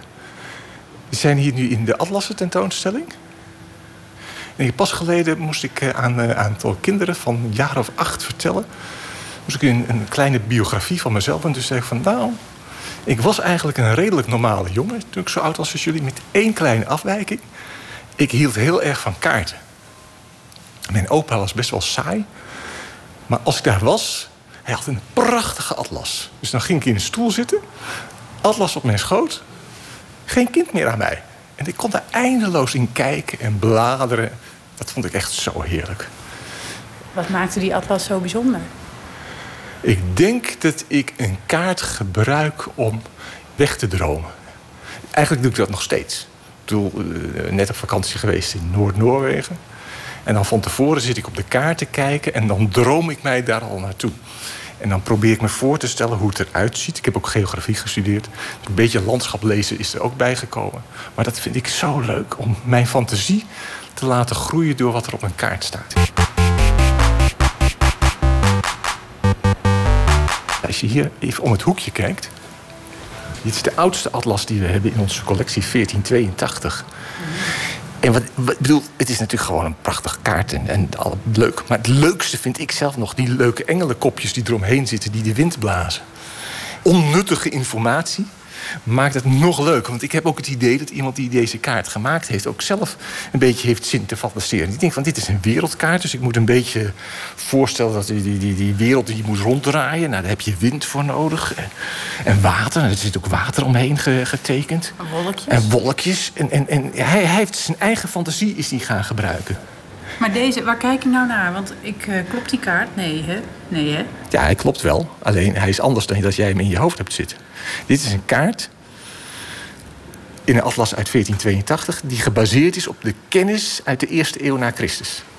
En in Alexandrië, in Egypte, was een hele grote bibliotheek... en daar kwamen allerlei wetenschappers bij elkaar. En daar zat deze eh, meneer, die, die zat er ook, Ptolemeus. En die heeft gedacht van, weet je wat ik ga doen? Ik ga eens kijken of ik alle plaatsnamen die ik in die bibliotheek tegenkom... op een kaart kan plaatsen. En daar ook coördinaten bij gaan verzinnen. Het is een werkelijkheid. Het is, een kaart is een werkelijkheid. En wij denken heel vaak tegenwoordig dat een kaart de werkelijkheid is. Maar ja, dan blijkt dat er toch de weg weer anders is geworden. Dat huisje is er niet meer. Er is een kerk gesloopt. Dus de werkelijkheid gaat sneller dan dat je dat op een kaart kan vangen. Maar 1482, wat wel leuk is, is er zit geen Amerika op. Het is een hele kaart. Niks Trump, helemaal niks. Gewoon geen Amerika. Dat vind ik ook grappig. Zal ik jou een plek laten zien waar niemand mag komen? Heel graag. Hier proef je het gebouw heel erg. Het is, behalve dat het een mooi museum is, is het ook gewoon een heerlijk gebouw om te zijn. En, en, en, en probeer ik mij ook voor te stellen van hoe dit hier vroeger geweest is. Het is een oud magazijn voor schepen van de marine. Dus er moeten hier touwen en blokken en zeilen en, en dat soort dingen gelegen hebben. Tijdje geleden was het zoveel jaar geleden dat Michiel de Ruiter eh, geboren was. Dus stel ik me ook gewoon voor dat hij dus dezelfde dingen gezien heeft ongeveer als dat ik gezien zie. Dus hij heeft hier door dat gebouw heen gelopen. En Als je dan over een mens denkt en je denkt van ik loop op dezelfde plek, dat kan, kan je ook in het buitenland hebben, dat je ergens op een plek staat waar iemand anders ook geweest is. Dan voel je dat nog een heel klein beetje uitstralen. En dat, dat, dan, dan kan je ook een klein beetje voorstellen van hoe iemand hier rondgelopen heeft. Ik denk, het was toen een immens gebouw. Het is een van de grootste gebouwen van Amsterdam was dat toen. Toeristen kwamen hier en mochten dan op het dak kijken over het ei. Omdat het zo'n mooie plek was aan, aan het water. Eigenlijk doe je met het gebouw hetzelfde als dat je met de kaarten doet. Ja, ja eigenlijk wel. Ja, dit, ja. Misschien doe ik dat eigenlijk ook met, als ik een boek lees. Dat heb ik me nooit zo gerealiseerd. Maar het, eh, het is leuk om ergens in te kruipen.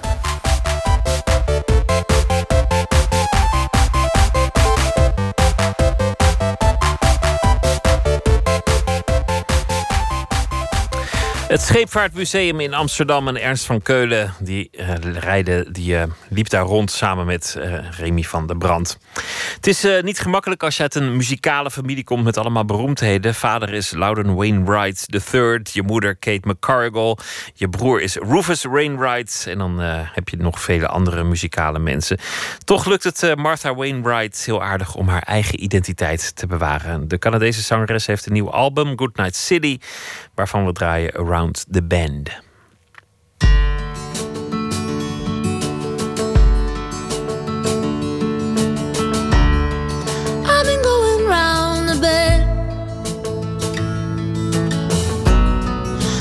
Taking lots of pills and things. I've been seeing him again.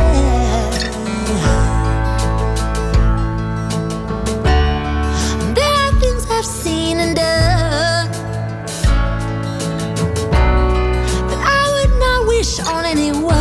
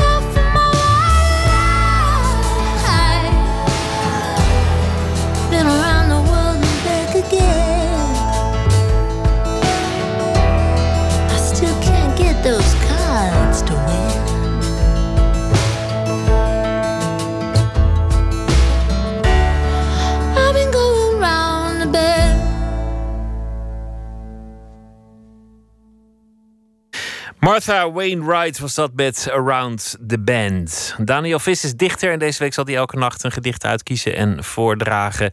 En vannacht koos hij Blackbox.exe 5.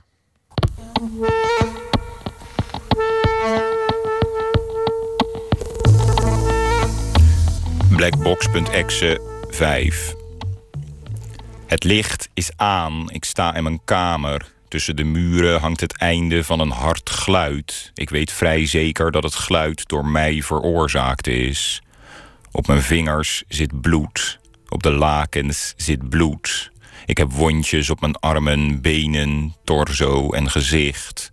Ik herinner me een zakje van dun, doorzichtig materiaal. In het zakje bewegen honderden zwarte pootjes.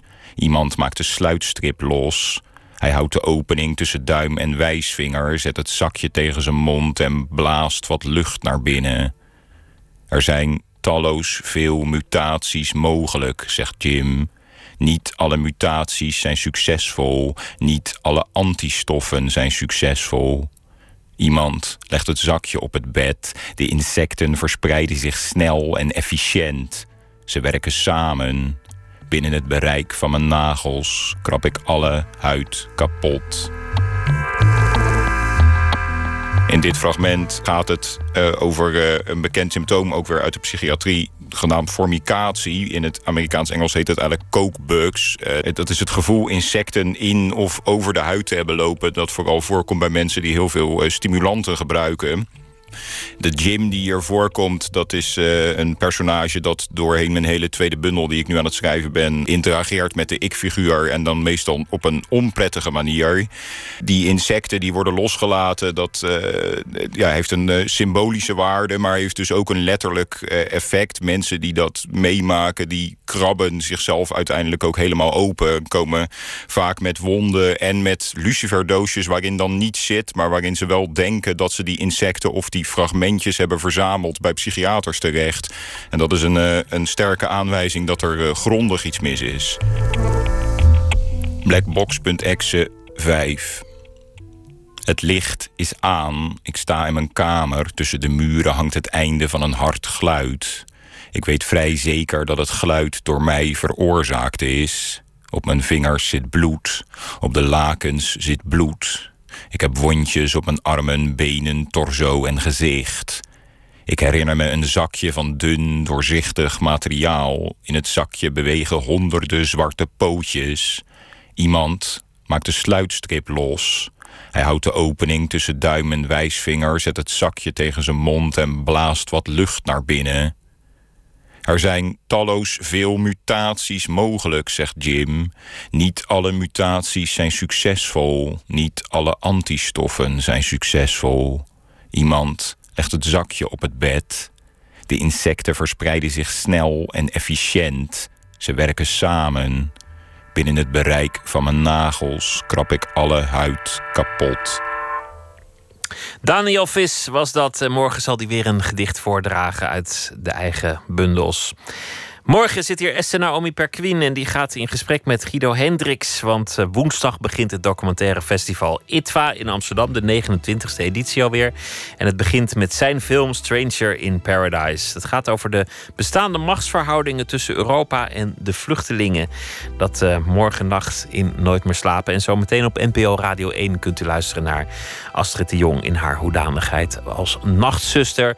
U kent het uh, concept misschien en anders dan wordt het vanzelf heel snel duidelijk wat er te doen staat. Namelijk bellen als je vragen hebt en niemand anders weet het antwoord. En zo kom je gaandeweg uh, iets te weten of niet. Dat allemaal zometeen wens ik u heel veel plezier bij. En morgen SNO in Perquin. En ik wens u een hele goede nacht en morgen een leuke dag. En ik hoop dat u morgen weer luistert. Goeienacht.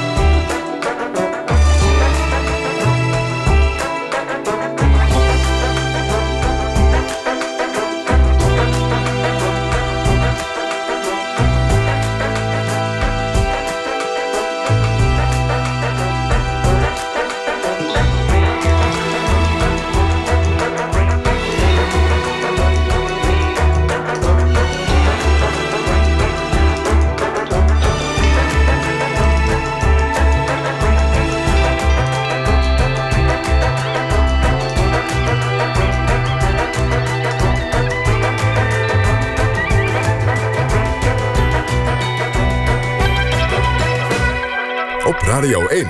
Het nieuws van alle kanten.